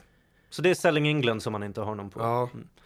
Just det. Nej men otroligt bra låt. Eh, riktigt skojig. Eh, och den kommer också, jag kommer komma tillbaka till den här eh, jag sa ju i början här att min åsikt är att det genomgående temat är maskulinitet. Ja. Och den här låten passar väldigt väl in i det temat. Det är absolut. Det här är en av två direkta knullåtar på den här plattan. Mm. Eh, och den här är den roliga och mindre sliskiga utav dem. Mm, ja men precis, det är en bra beskrivning. För ja, Counting Out Time är svår att inte gilla. Mm. Ja, vi går vidare. Ja, visst. till eh, min personliga favorit på hela plattan. Mm. Och kanske i topp tre bästa Genesis-låtarna någonsin för mig. Jag älskar Carpet Crawlers. Mm. Ja, jag gillar den också. Siffran? Eh, jag tycker att den är, den är alltså, det är bra text. Men jag Mhm. tycker att rent musikaliskt är den, den är helt okej. Mm. Vad tycker du om Gabriels sång på den här? Den känns ändå bättre. För här är han ju i mycket lägre i Ja, register, mm, liksom det stora passar honom. Ja. Jo men precis. Jag, jag tycker att den är, det är en väldigt bra text. Och jag tycker kanske inte musiken är jätterolig, precis som du säger Eli. Ehm, men jag tycker ändå den håller måttet på något vis. Liksom. Och det, det är en sån versrefräng, versrefräng, versrefräng om och om igen uppbyggnad. Men, det men, men det är en sån stegring som sker i låten. Och, och det, det tycker jag är en kul form att jobba med. Mm. Liksom. Mm. Eh, lite som eh, Bowies Heroes hade väl varit ett bättre exempel Ja. på, på den formgrejen. Den här blir ju aldrig riktigt på något, jag tror att svagheten för mig med den formetypen, där man har en, en, en grej som går om och om igen och så blir det fetare och fetare. Jag tror att svagheten kommer i att det blir aldrig svinmaffigt. Nej. Men samtidigt så är det också lite nice. Ja, det är en ganska laid back och mysig sång. Till viss del, Ja. skulle jag säga. Det, det har intro som inte följer vers, refräng, vers, refräng delen. Ja, ah, just det, introt Det här är jävligt snyggt. så vitt jag vet så nämns bara Lamb två gånger i hela plattan. Mm. Och det är när de berättar om lammet som ligger på Broadway.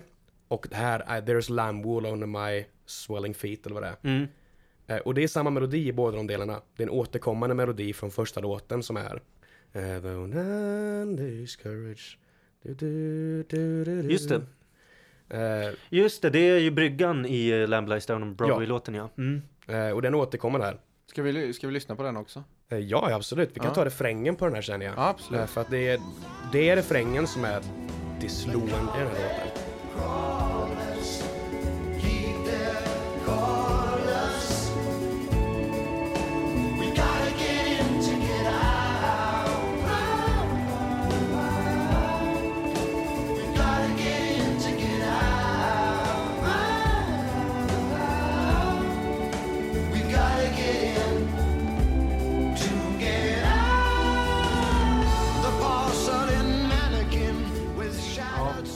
Det, det är ganska konstigt att den känns så laid back som den är för trummorna och pianot är jävligt stressigt. Ja, väldigt upptakt.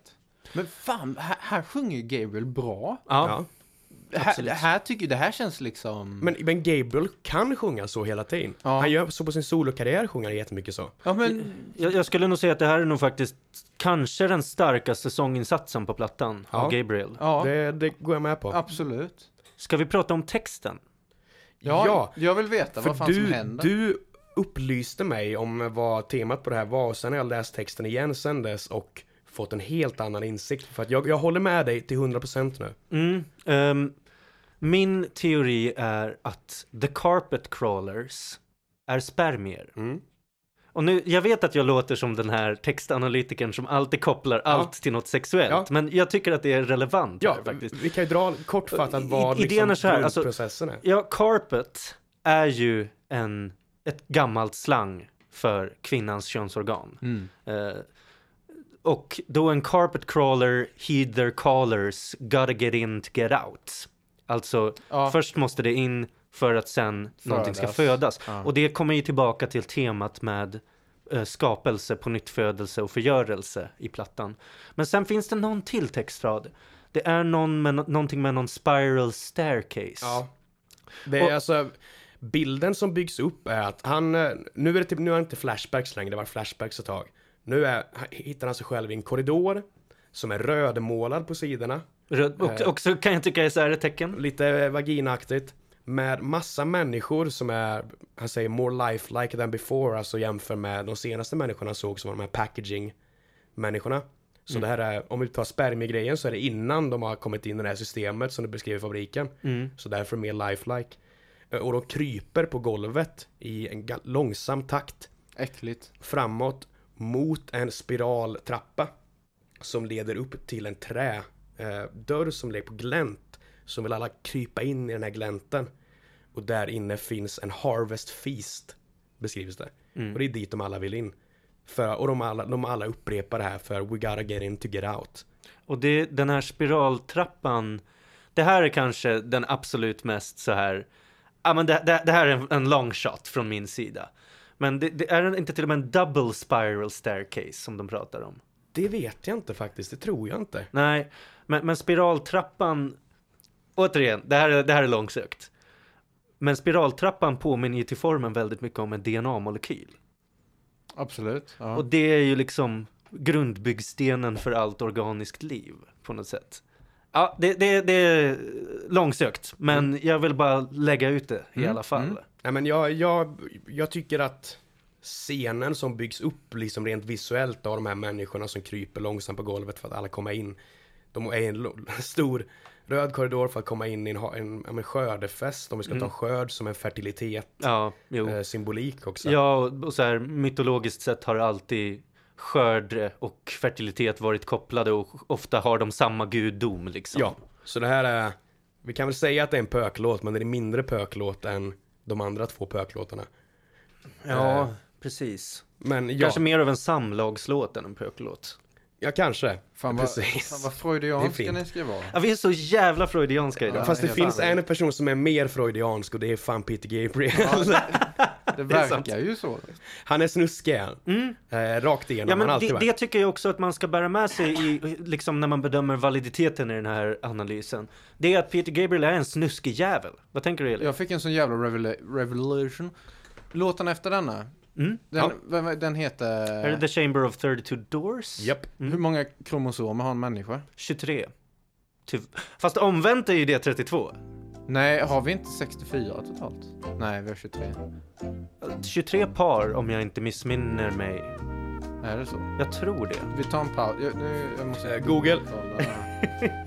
Hur många kromosomer har Elin? För annars... Ja. Nu ska, nu ska vi inte gå in på det. Ska vi inte Det bli för, funkofoba här? Isak? Ja, precis. 23 par. Fuck. Ja, ja. Men det är ju ändå, ehm, det, det kan man ändå koppla. Omvänt. Ja, Ja. precis. Vänd på steken. Ja, Mm. det är... 32 Doors har jag nästan svårast för också, förutom... Eh, Du gillar inte 32 Doors? Nej, nej, jag, jo, jag gillar 32 Ja. Doors. Jag pratar om konceptmässigt. Aha, mm. Eh, 32 Doors går inte att ogilla. Den är jättehärlig. Ja. Det Mm. och de har med något jävla klockspel med. Ja, Det är Mm. fan svinbra alltså. Vilken idé va? ja, det är, det är sista låten på första skivan också. Ja. Är det. Och den är riktigt bra alltså. Den är... Ja, den är stark. Ni kan ju se mina anteckningar. I'd rather trust a countryman than a townman. Ja, Ooh, jag har bara gjort en massa hjärtan. Ja, Ja. nice. Ja. Jag, jag vill också ta upp så här ett musikal, som jag så gärna gör. Ett eh, enskilt musikaliskt moment i den här låten. Mm. Som bara får mig att så här gåshud varje gång. Det är när Gabriel sjunger That I walk through. Och så fejdar de in eh, Collins röst. Nästan omärkbart. Och sen när Pe- Gabriel sjunger nästa rad så ligger Collins kvar på den långa tonen. Det är så jävla snyggt.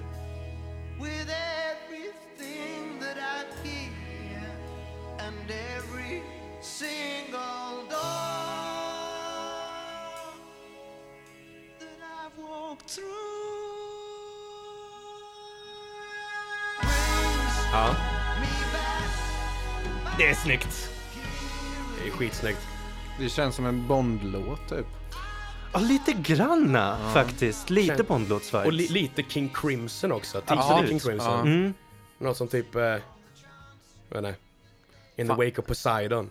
Älskar basen Och, och Ru- Rutherfords basspel här Ja, också. det är klockrent Vi har inte alltså. nämnt Rutherford än så länge, men fy fan vad han lyfter plattan. Ja, Ja. svinbra. Nej, vi, vi, vi, vi, vi nämnde tidigare, fan vad synd det är att Phil Collins aldrig diskuteras i trumkretsar. Ja. Som basist vill jag säga, fy fan vad undervalued Michael Rutherford är. ja. Otroligt bra basist. Bra solokarriär också, Mm. har han. Ja, Både, jag har inte lyssnat så mycket faktiskt. Mike and the Mechanics är eh, poppigt som satan. Ja. Eh, men sen har han lite rockiga soloplattor också. Han är bra. Han är jättebra. Verkar trevlig. Han är lång. Det är ett bra kriterium Ja. att bedöma Men vad känner, känner, finns det något mer att säga om den här låten annat än att den är jävligt bra egentligen? Ja, Ja, det- textmässigt, vad är Ja. som händer? Ja, så vitt jag har förstått så han går in i den här dörren upp överför Till, spiraltrappan. till festen. Ja, och där inne så kommer han in i ett rum med 32 dörrar utspridda liksom runt honom. Och i där finns det folk av alla de slag som bara skriker på varandra och för ett jävla oväsen. Och det är i stort sett det som händer i låten. Och han försöker komma undan, försöker gömma sig i något hörn för att eh, få lite Fan, är tyst det och inte lugn och ro. en bild på det på sleven? Ja, Den- jag tänker att det där är 30, Chamber of 32 Ja, det låter rimligt. Det är bara att han är absolut inte eh, munlös utan han skriker åt dem att hålla käften. I must scream but I have no mouth. Ja, Jag tror att det, det, den här låten är nog den jag har minst att säga om rent textmässigt. Ja. I alla fall i relation till liksom skivans tematik. Ja, Däremot så tycker jag bara överlag att det är en bra text. Och det, det är konstigt lite grann i och med att det är en sån stor och maffig, en, en av de större låtarna på plattan skulle jag säga. Och ändå finns det inte så mycket att säga. Vi kommer ju till kanske den största plattan, eller största låten på plattan. I alla fall längdmässigt. Eh, och den kan man ju prata hur länge som helst om textmässigt för den fortsätter all evighet. Men ja, jag är i stort sett klar med den här också. Ja, Och då tycker jag vi tar en eh, liten Bensträckare. halvlek. ja Ja. hell yeah. Gött. Huh. We'll be right back.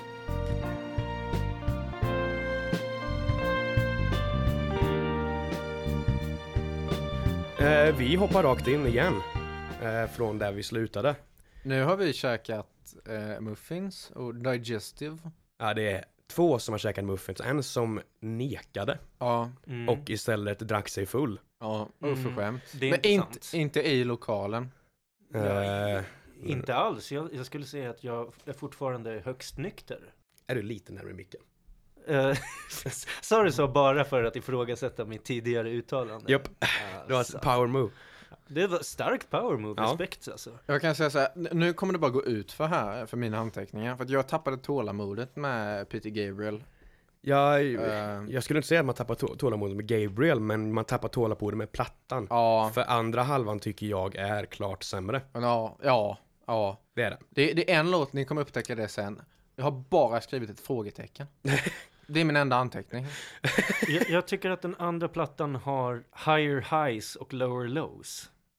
Ja, jag skulle inte säga higher highs, men absolut lower Ja, jag, lows. jag, jag går också ner på halva där. Jag tycker, jag, för att klargöra, jag tycker andra halvan är jättebra. För jag tycker hela den här skivan är jättebra. Mm. Eh, så att man måste alltid i alla fall slänga ut de lapparna här och var. Så när man säger att nej, det här är en low point så menar jag inte att det här är en kass låt, utan det här är low point för att vara en platta jag tycker väldigt, väldigt mycket om. Mm. Jag kanske, när jag säger att detta är en long point, då kanske jag menar att den är kass. Ja, fast jag kommer censurera den när du säger det. Ja, Kommer jag. men det är nog bra, så att jag inte Ja. får en massa Genesis En till beep. eh, efter mig. Ja, de är fruktansvärt våldsamma. De är det? Ja. Mm. Det, det är som mina sådana här små ekot-inslag. Jag, du har hört att jag är De var bra alltså, ja, de Ja. var, ja, Jag kommer göra det också, fast jag kommer rätta dig och ja. slänga in att Ja, jag, jag vet fel. redan att jag sagt, jag sa att det fanns eh, 24 låtar totalt, men det gör det inte, det finns bara 23. Ja, jag kommer klippa din rättning och Du, sen men, klippa du, in menar, min du rättning. menar att det finns samma antal låtar på den här plattan som det finns kromosomer i en människa? Wow! Fine, kolla bara soundbiten. Ni får inte vara för roliga, jag är fortfarande för småsjuk för det. Nästa låt, Lily White Lilith, är den vi har. ja. Mm. Nu, nu ska jag vara brutalt ärlig. Gör det? Jag har skrivit så här, jag hade nog diggat den om jag inte redan hade lyssnat på 11 Genesis-låtar. Ja. Jag tror, hade jag lyssnat på den självständigt, Mm. då hade jag tyckt att den var riktigt bra. Det där är jätteresonabel åsikt. Ja, men nu har det blivit för mycket jag har Genesis. typ samma ståndpunkt. Jag skrev att det är ett starkt riff, något trist, för att det är så sent i plattan. Ja, de har, nu har de känt ut med det.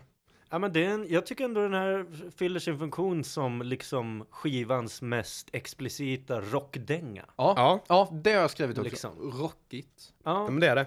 Man kan, man kan nästan tro att, eh, att eh, Hackett vet vad blues är på den här. ja men det, jag tycker också det här, det är som ett svängigt mellanspelsparti Ja, eh, i den här låten. Men, men också många, många sköna riff och räkor och Mm. ja, Mm. jag, jag gillar den ändå men ja, jag kan också köpa att den, den jag vet inte. Jag tror att det här är kanske fjärde gången jag säger det här, men jag vet inte hur mycket funktion den fyller. nej. Jag, jag håller med. Jag håller med helt och hållet. Vad handlar den om rent tematiskt då? Eh, det är ju, han är fortfarande i det här rummet med 32 dörrar. Ja, Eh, där i så hör han en röst kalla ut eh, av en kvinna som ber om någon som kan guida henne till andra sidan rummet. Och han märker att hon är blind. Och han eh, går därifrån, eh, ja, men, hjälper till och guidar henne men texten gör det verkar väl som att till slut så är det hon som guidar honom framåt. Mm. okej. Så att eh, om vi går in på herde och pilgrimsfärden så har han här alltså en blind herde. ja. Som leder honom framåt och leder honom in i ännu en grotta. Mm. Det är kortfattat det som Kul, händer. mycket grottor. Är Ja. grott, eh, grottan en eh, symbol för livmodern eller? Ja. Albin? Nja, jag tror inte det i det här fallet. Men eh, fan vet jag, allt kan vara symbol för... Men den förra grottan då? Ja men det var ju en köttgrotta, Ja, Eli. och det började bli trångt och han ville ut. Mm. Ja, Ja, det är en livmoder. precis. Ja, men det är bra, då har vi konstaterat det. Och eh, cyklopen i Iliaden är väl i en grotta. Typ, ja men på riktigt, halva Grekland är en grotta, det är bara massa grottor. Ja. Men nu, Ja. hörni, nu är det, nu är det Lilith vi pratar om. Vi är på hebreisk mytologi här. Ah, Släpp era jävla Jaha, du, grekofiler. du kan sånt du. Ja, Så- Men Lilith är hon den blinda då? Säger de det någonsin eller är det bara implied? Ja, det är heavily implied. det, det är liksom, ah, det är en blind kvinna, Lily White Lilith, Lily White Lilith. Ja. Det är, Är John med? Nej, inte, Inte här, låten. Var han med i förra låten? nej, han har inte sett sen eh, fabriken. Mm. Nej, okej. han, han har inte sett sen första sidan. Ja, vi får se om han dyker upp igen då. Ja, Mm. Eh, Spoila inget. Jag kan ju också tillägga då utifrån det mytologiska perspektivet, och jag vet inte om det här är relevant på något sätt, men Ja. Lilith var väl enligt så här gammal hebreisk mytologi Adams första fru? Ja, ja. Ja. Och det, det, det ryktas också om att det är hon som är ormen sen. Och Ah. inte Satan. Som förleder Eva då för att hon är avundsjuk. Så, det, så när den här blinda kvinnan som leder eh, Rael här kanske egentligen förleder? Ja, det är inte omöjligt. Fan, det, nu börjar vi och komma det, in det, här, det här. det här kan eh, leda er, för det gör hon. Ja, ja, Ja. det gör hon ju. Då är det, Eller? inte, Eller? men inte för att vara sån, men det är ju säkert det det är då. Det, Ja. känns, ju, det känns ju bara Det är ju, Ja. det är ju si- simpelt. Väldigt simpelt. Ja, Ja. och det, det, alltså... Det känns på Gabriels nivå. Det, så Jo, mycket för kan han så här. Gabriels nivå är verkligen mytologiska referenser. Jättemycket mytologiska referenser. Ja. Är de komplexa eller liksom så? Nej, det brukar vara liksom ganska rakt till vad den mytologiska karaktären gestaltas. Ja. Ja, ja, då har vi kommit till botten med det. Ja, Mm. eh, det, det, är ju- det är egentligen det som vi har på Little White Lilith. Eh, Alltså- Men jag tycker att den symboliken vi kom fram till här kan återkopplas på nästa låt, låten efter det och eh, en senare låt sen därefter. Så jag tycker vi kan återkoppla jättestarkt till det vi kom fram till där faktiskt. Men om vi hoppar vidare Mm. till The Waiting Room. Det här är enda låten på hela plattan som alla i hela bandet har writing credits på. Okej, did not know that. Jag har bara skrivit varför? Frågetecken. Jag vet Jaha. inte vad jag menar, men eh, ja. Den, eh, det är ju den som börjar så... Jag spelar lite Men istället. spela lite på den, jag, kan- jag kan gärna också ta Hur så lite. jävla, sitta och nynna. Det är inget mot dig är Nej, bara- jag satt inte och nynnade. Nej, nej, nej, nej. Jävel. skit i då. Fuck off. Åh, ja, den här. Jag älskar den här. Ja, det här är nog varför jag bara skrivit frågetecken.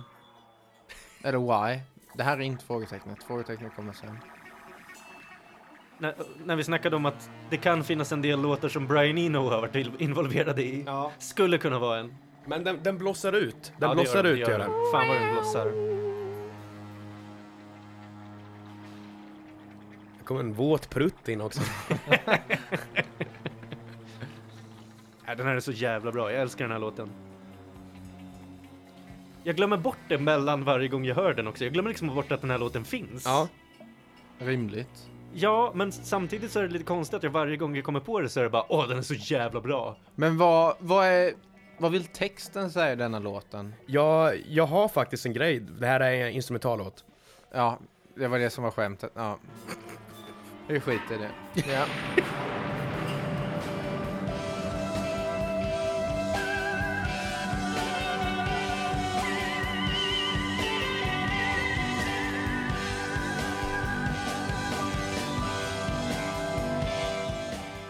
Däremot så kan jag tycka att Alltså för den här låten består ju av två delar. Ja. Först en liksom atonal konstmusikdel Ja, och sen, sen den här delen. Ja. Och jag tycker inte att den här delen lever upp till förväntningarna.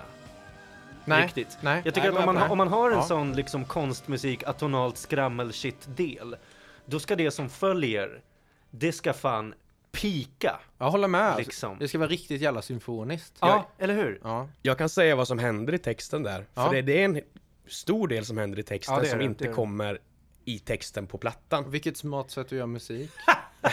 det, det är Men precis, du ska ju det, köpa den på vinyl och läsa ja, men det här är precis insidan. som vi snackade om förra gången. Det är som att göra en podcast om konst. Ja. Varför? Du kan ju inte se konstverket när du lyssnar. Nej men du får ju läsa den. Men Isak, Du har ju sluta. köpt vinylen. Sluta Isak, jag vet att Elin inte är läskunnig. Nej. Du behöver inte, Min mamma säger att jag är duktig på massa du annat. behöver inte rub it in his face. Du kollar på bilderna. Ja, det är sant. Det finns jättemycket bilder, Eli. Jag Eh, lyssnar inte på texten, utan så- jag kopplar bilderna bara rent musikaliskt. det är vad som händer. Fan vad Nu kommer inte jag läsa det lika fint som Alvin gjorde men eh, Gamla damen leder in honom i grotta, sen lämnar honom och sen A tunnel is lit up to the left of him and he begins to shake. As it grows brighter he hears a non-metallic whirring sound. The light is getting painfully bright, reflecting as wide off the walls until his vision is lost in a sort of snow blindness. He panics, feels around for a stone and hurls it at the brightest point.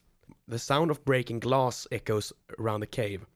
As his vision is restored, he catches sight of two golden globes, about one foot in diameter, hovering away down the tunnel.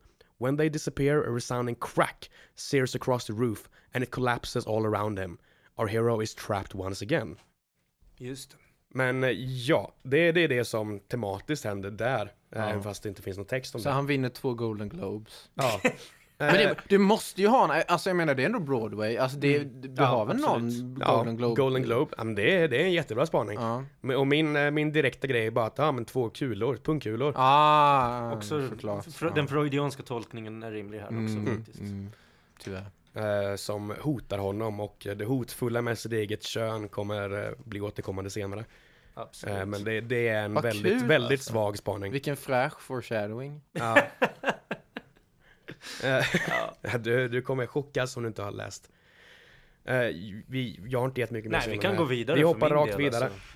till... eh, anyway. Just det. Anyway. Jag vill, jag vill bara först, tänk, tänk att ni är typ eh, 15 år gammal.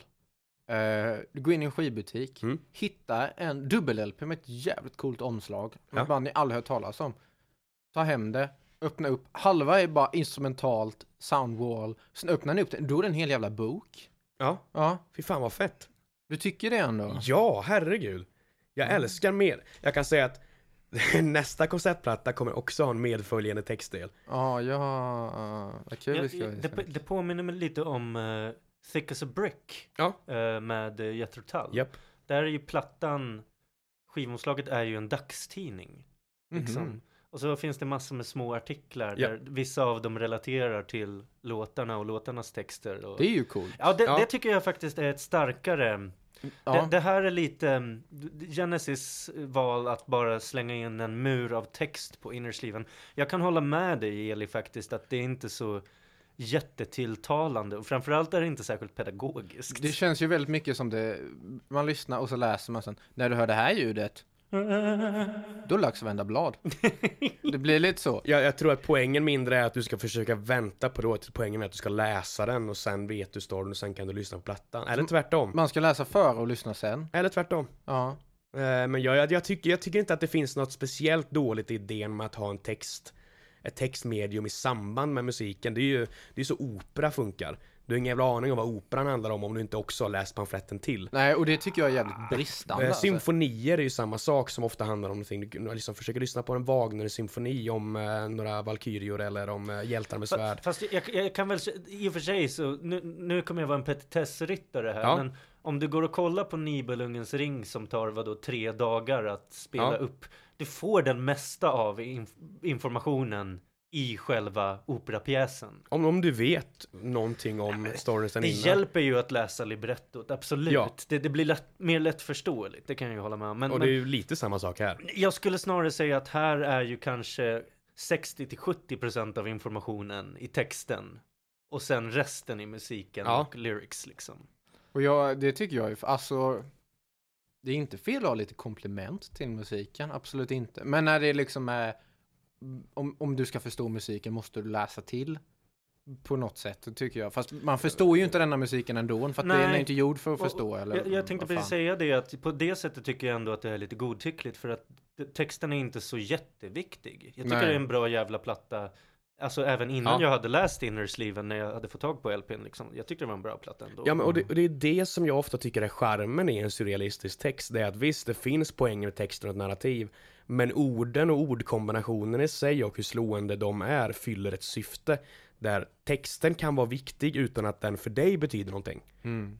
Eh, jag, jag, jag brukar röra mig mycket åt det aspekten av surrealism. Eh, och jag, så vitt jag, min tolkning av Gabriel är att han också tycker väldigt mycket om det. Likaså, ja du vet jag älskar Paul Simon. Paul Simon älskar ju sånt. Mm. Han gör ju Mrs sånt hela tiden. Robinson's a bear, det är väldigt Mrs Robinson's a bear.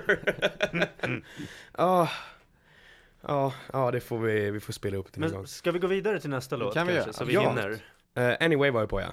Mm. Men min stora, jag har skrivit här att jag håller inte med Hampus, jag tycker inte den har någonting att göra med topp 5. Det är min polare då, då som Mhm. rankade den. Jag tycker att den är svag. Jag håller med.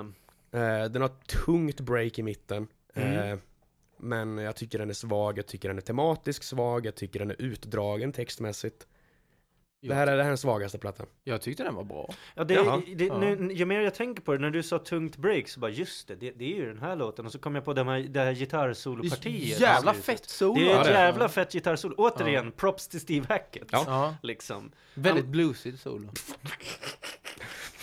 Nej men alltså han lyfter fan många av, av, för jag tycker ändå att det här kanske är lite av en medioker låt som Ja. lyfts av Ja men det, det vissa går jag på. grejer. Ja, men de har någon jävla kalimba med någonting också. Är det så? Ja, och den tycker jag är... Ja, jag tycker den är bra. Mm. Den, den är inte bäst. Nej, Men den är, jag tycker den är, den är bättre än vad du tycker att den är. jag, jag tycker nog den är lägst på plattan, skulle jag säga. Ja. Eh, Mer... text, textmässigt så kollapsar grottan och han krossas av sten. Mm. Och dör. Nej, Nej. men döden kommer och knackar. Jaha, Döden är där och döden gör entré i den här låten. okej. Uff, Men jag håller, jag håller med dig Isak, det, är- det är bottom five för mig ändå. Ja. Men den har starka grejer. Ja, ja, absolut. Men det är det jag menar med att det här är svagt för att vara en platta jag tycker jättemycket Ja om. men exakt. Men det är inte en dålig låt. Nej. Nej, Nej. det är, det är inte en dålig låt. Det hade, men varit det en jä- det hade varit en jättebra låt om Pentatonix hade gjort den. Fuck Ja, off. ja det, det kommer komma ett Pentatonix avsnitt eh, i framtiden. Det, det är degenererat av er. Att, att hålla på med sånt, Ja. tycker jag. Ja, det, Eh. någon måste ju göra det. Ja. fan. Det, det är ju AJR och eh, Maroon 5 och alla de Mm. kommer någon, någon dag. Ja, det köper jag, men Pentatonics köper jag inte. Man blir arg av dem. Ja. Ja. Man blir arg. Det finns musik som, som är medioker.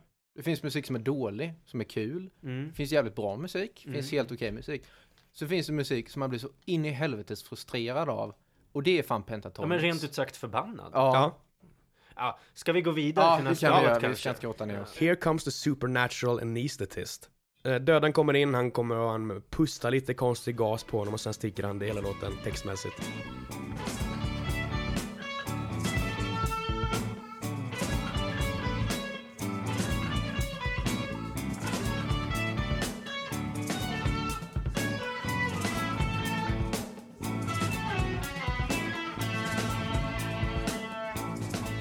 Min kommentar här är eh, Hacket, vilken kar!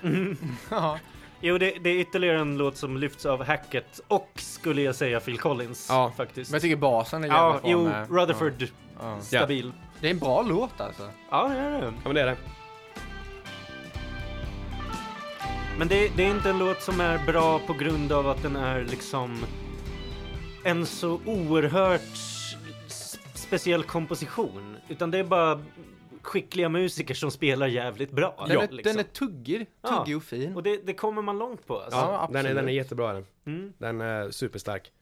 Eh, jag har inte mycket mer att säga om den heller. Men Samma här. vad sa vi? Döden kom och... Mm. Ja, döden kommer, pustar på honom, sen sticker han. Och eh, det vis, visar sig att äh, han lever fortfarande. Grattis. Mm. Eh, och kan hitta en väg ut i grottan. Ja men det är kul ändå. Ja. Mm, det får man ge.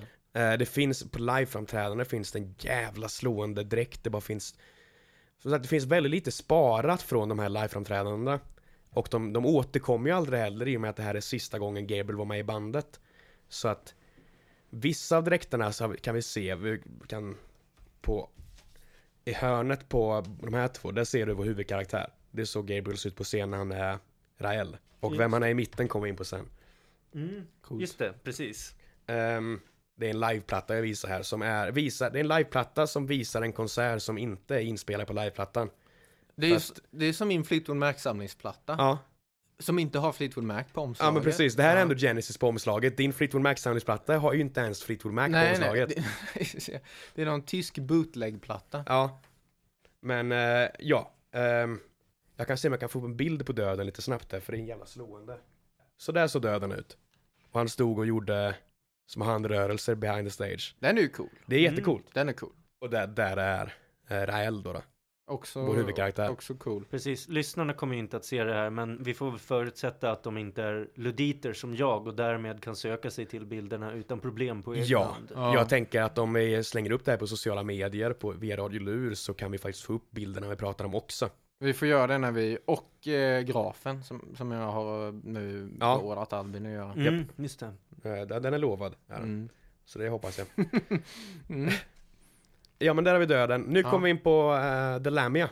Ja, Eh, det här är en knullåt. det här är en knullåt. och det Knulla är, ormar. Yes, och det, det, det här skulle jag också säga att det här skulle faktiskt kunna vara min favoritlåt på hela plattan. Det är väldigt respektabelt val. Den är Mm. jättebra. Ja, ja.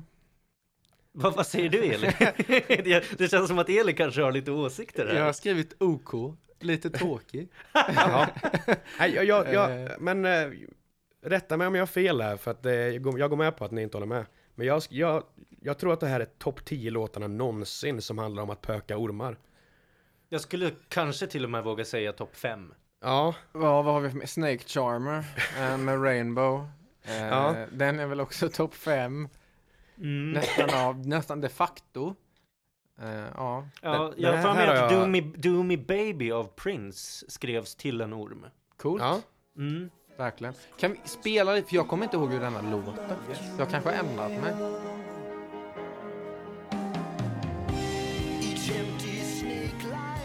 Ja, nej. Jag tycker, ja. Den är jättefin den, den är så jävla vacker. jag tycker den är lite tråkig.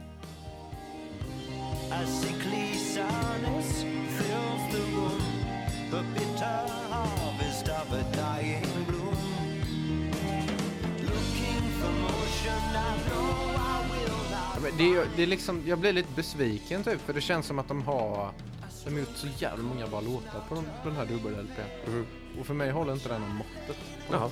Men jag ska också tillägga här, Eli, och, för jag tycker den här låten står på sina egna ben bara musikaliskt. Man Ja. skulle kunna göra en instrumental cover av den här med ett eh, instrument som spelar melodislingan och den Ja. hade hållit jättebra.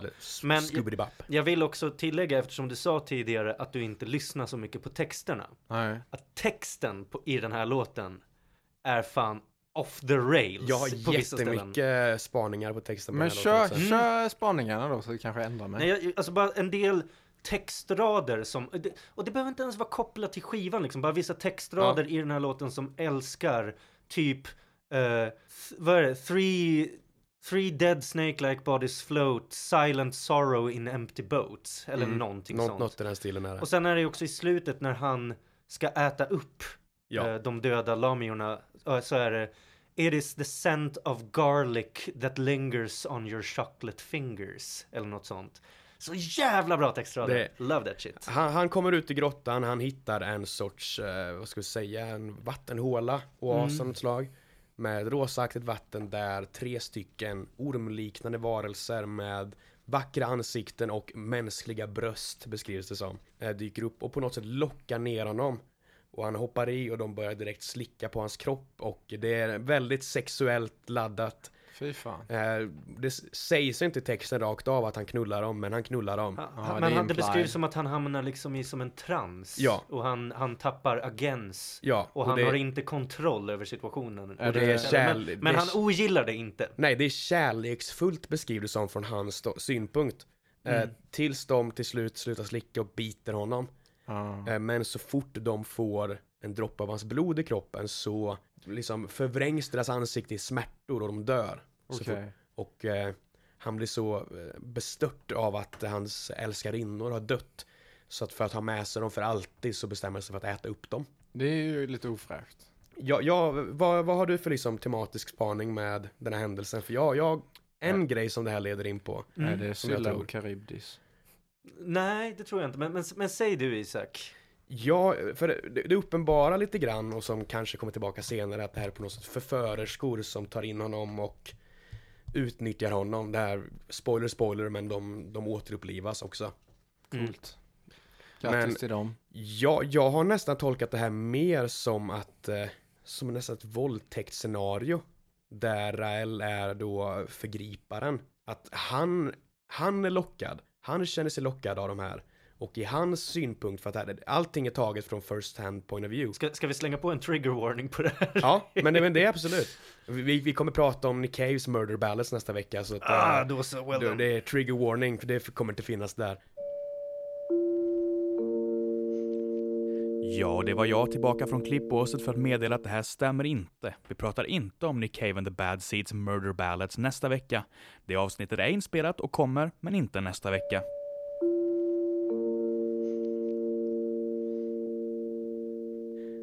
Men eh, att... Eh, För att men, eh, allting är från hans synpunkt och då är allting lockande och de älskar honom och sånt där. Men han, till slut är det han som förgör dem och inte tvärtom. Eh, och han som till slut väljer att konsumera dem.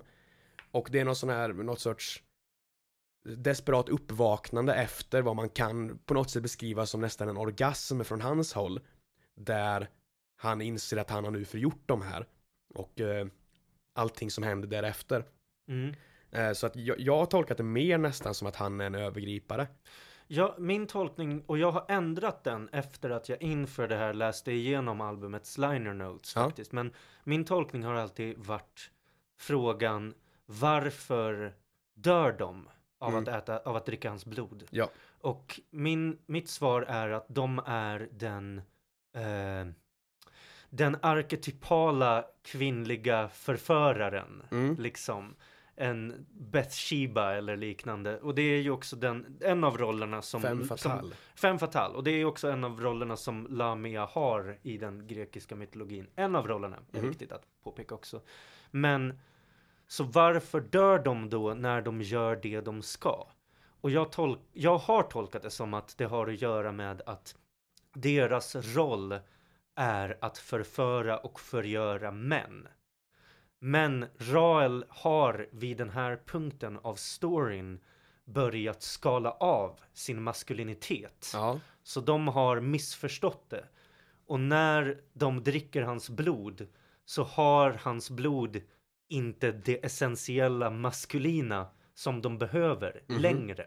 Och att det är därför de förgörs.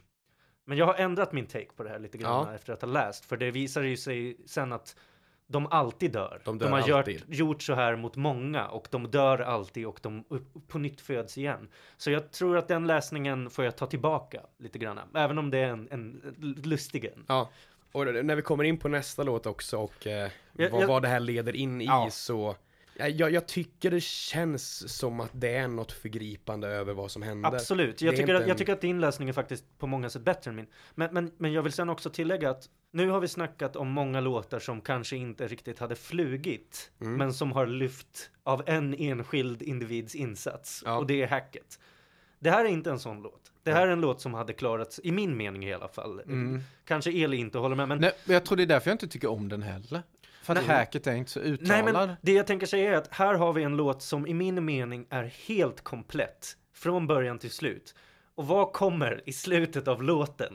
Om inte det mustigaste jävla gitarrsolot av hacket. Bara för att liksom sista spiken i kistan. Mm. Jesus Christ, så jävla bra låt. Det här är en person som har skrivit den. Vet du vem? Ehm, oj, jag måste fan...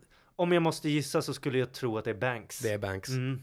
Klassiska Ja. Banks-grejer. Sto- stora dramatiska progg Mm. eh, liksom. Då, då är det fan Banks som är inne och eh, pillar i grytan. Silent Sorrow and Empty Boats kommer sen. jag har, jag har en anteckning där. Och det är massage på fritids. Ah! Du vet när man var, hade ni det när ni gick på fritids? Att Ja. nu, nu är det massagetimme och så är det liksom någon sån här musik och sen, favoriter. Ja men det är någon lugn melodi och sen är det någon som bara att en sol stiger över himlen och så ska man göra en solsymbol liksom. Gärna, har ni lyssnat något på IB Sundström? Nej, nej. För det här är fan, jag, jag I dig alltså. Ja, det är men- väldigt mycket IB Sundström. Jaha. Jag rekommenderar starkt att ni lyssnar på honom. Ja, men den, här, ja, men den här låten är ju soft ambient. Ja. Alltså det här är musik Ja. som man kan läsa en bok medan man lyssnar på. Ja. Ja. Det finns ingenting som tar ens attention. Den bara ligger och gosar mjukt och mysigt och fluffigt i bakgrunden liksom. Och det kanske är liksom det den kanske egentligen symboliserar i relation till låten innan måste ju vara lite av ett post-nut clarity. Mm. Egentligen. Mm. Mm. Eller kanske snarare post-nut serenity. Ja, Ja. ja men precis. Det är ju, och det är ju hans sorg över sina förlorade älskarinnor. Det, det märks så tydligt också att det beskrivs liksom inte bara som att ah, men det är några ligg som har dött, utan det här, är, det här är älskare, det här är folk som han älskade och som det sista de säger till honom är att de älskar honom också. Mm. Så att han, han är totalt bestört över den här händelsen. Kan det eftersom att de alltid dör och på nytt föds, kan det vara en sådana romanser som där man glider ifrån varandra men sen så hittar man tillbaka till varandra för att glider ifrån varandra igen och så Mhm. går det så i all cyklisk, evighet. eh, romantisk, ja. Precis. Jag, jag, jag tror mer att Lamia är kanske mer av en liksom lite misogyn bild av fem fatal. Mm. Någon som bara äter upp och slänger bort en man. Och så liksom, åh, de dog men sen visar det sig att de lever så de har liksom ghostat honom och Ja, liksom, mm. be- be- typ så. Fan, ghostat honom på Tinder alltså. ja. Ja. Nej, fin låt. Ja, det är det Lamia handlar om, det är Tinder-ghostning. Ja, det Ja, är det. det. 100 Det, är procent. det. Det, det var Peter Gabriel som uppfann Tinder, det vet jag. Eh, det är inte många som vet det, men Nej. så var det. Nu kommer den, nu kommer eh, the big one på något sätt. Ja. Eh, det är inte den bästa, men det är the big one för mig. Och det är The Colony of the Slippermen. Mm. Eh, det här är den enda låten som Phil Collins kan prata om när det gäller den här plattan. För Phil Collins har erkänt att han har aldrig läst liner notesen Nej, eh, och han har ingen aning om vad den här plattan handlar om förutom att det finns en puertorican med. eh, och, och, och ett lamm någonstans. och den här låten, för att han hatar den här låten. För att han, Phil Collins är ju inte teatralisk av sig. Nej. Och i den här låten, det här är omslaget på det här. Det här är en Slipperman. Ja. Eh, som när, i början när den här låten är lite halväckliga, konstiga ljudet. Så kryper då Gabriel ut på scen i den här dräkten där han kryper ut ur en stor uppblåsbar kuk. Som han kryper ut ur toppen på. Återigen, är det orimligt av oss att vara så freudianska i vår analys? Nej, Inte Nej, nu är längre. något. Inte nu längre. Nej, nej, du ser ju, du ser ju att det, han råkar ju ha en stor balle på dräkten där också. Ja, han har ju en pung. Ja. En penningpung. Eh, så att eh, det är det, varje gång Phil Collins pratar om den här plattan så är det bara den här jävla penisen som Gabriel envisades med att ta med. Och Phil Collins vill sjunga om kärlek eller något. Ja. Men den här låten är riktigt bra. Ja, jag skulle säga Ja, att det den. jag sa tidigare att på en av låtarna sa jag det här är en av de bästa truminsatserna av Phil Collins. Mm. Jag skulle säga att det här är den bästa. Det är, jag, jag är beredd att hålla med dig. Det här är nog, det här är en topp tre av mina på, på denna dubbel-LPn då. Skulle jag säga. Ja, det är lite lustigt faktiskt. Jag skulle nog inte sätta den på topplistan för mig. Jag tycker den är skitbra, men Ja. eh, ja, Men jag tycker om, jag tycker om när det blir lite symfoniskt. Jag tycker om övergångarna. Jag tycker om Ja, när det händer ja. mycket. Det är därför det är en av de få liksom metalbanden som jag, eller jag tycker om några metalband, men Sabaton. nej, ja, älskar. Sabaton. Nej men Metallica, Ja. för de är också väldigt mycket övergångar och temposkiften och liksom Ja, mm. det symfoniska. Och jag tycker om det. Det är kreativt. Jag, jag Ja. gillar när det händer. Min, de kan inte hålla min uppmärksamhet i, eh, i typ Delamia. Jag tappar fan uppmärksamheten alltså. Eh, men eh, The Colony alltså. mm, Ja. den är bra. Den är...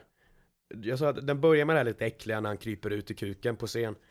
Men eh, sen kommer det in i någonting som jag beskrev som proggig cirkusmusik. Eh, när kolonin introducerar sig. Kortfattat narrativt vad som händer i pamfletten eller eh, liner notesen och texten. Så stöter han på den här kolonin av slippermen som ser ut sådär. Som är ja, men äckliga, lumpiga, de, det är de som har de här rösterna i låten. Mm. Och de beskriver att vi är alla människor som också har legat med ormar. Eh, det är alla de som har legat med de här lamiorna innan. Och då blir de sådana där. Jag vill förut bara flika in här för att jag spenderade så onödigt mycket tankeverksamhet när jag cyklade ner hit på att fundera på hur säger man lamia i plural? Lamior. Ja, det, det lär ju vara det. Ja, eller Lamier. Eller lamia. Att det är Lemurer. samma ord i plural? Eller lami? Eller lamiai? Det kan vara Lamia också. Jag har ingen aning. Vem Men- bryr sig? Lemurer. På tal om de här slip, slip, slippermen. Ja. ja. Om man blir sån när man ligger med Lamia, kan Mm. inte Lamia vara prostituerad då? Det finns en absolut en koppling att dra Ja. till all deras bölder och liknande. Ja. Att det är en referens till könssjukdomar. Ja. Och Ra- Rael blir också sån. När Ja, han går in där. Han märker att ja, han också är en sån nu. och det känns ju som en sån grej att, ja men de prostituerade, oh, jag, jag älskar dig och att det ska vara liksom lite den Ja. upplevelsen, typ. Så det känns som rent tematiskt så klaffar det. Nej, det är en, en, en otroligt rimlig koppling. Mm. Det, det är faktiskt en jättebra koppling för att om man tar tillbaka det till lamierna så Lamiorna, vad man nu ska kalla det i plural. Vi kör Eh, på det. Mm. Ja, om, om, om vi utgår från att de är prostituerade och att de får honom att känna sig älskad men sen lämnar honom i sticket därefter. Och han sörjer det och sen, om vi tar det här som en könssjukdom så är det faktiskt ganska väldigt tydlig koppling. Ja, Det är jättebra kop- eh, Ja. spaning. tack. Varsågod. Ja. Vad händer mer? Han blir äcklig då. Han blir äcklig, han träffar sin bror. Som, Som- också har blivit en slipperman. Så John Ja. är tillbaka. Ja, Nu- John är Nu, nu tillbaka. kommer John tillbaka. Och han har också herpes. De kramas i en slimig kram. Eh, Nice. Och de söker upp en doktor Just det. eh, som säger att det enda sättet att göra det här, att ni ska bli normala igen, det är att kapa kuken på er. Eh, vilket de säger absolut. Så att han eh, kapar ballen Mm. och sätter i en liten... I ett guldrör Ja, som de precis. får som medaljonger. Så de håller sin kuk runt halsen. Och så blir de normala. Ja. Eh, och sen slutar sista delen, för det här är ju tre delar. Det är The Rival, det är The Doctor och The Raven. Och The Raven är då en Raven på svenska. Korp. Korp. Det är en korp som flyger ner från himlen och tar Raels kuk. Och flyger iväg med den. Med guldröret. Japp. Mm, Ja. precis. Eh, och då jagar han efter den. John lämnar honom i sticket igen. Han vill inte hjälpa till. Fan vad obror alltså. Ja. Mm. Och det, är- det är The Colony of the Slippermen. Coolt.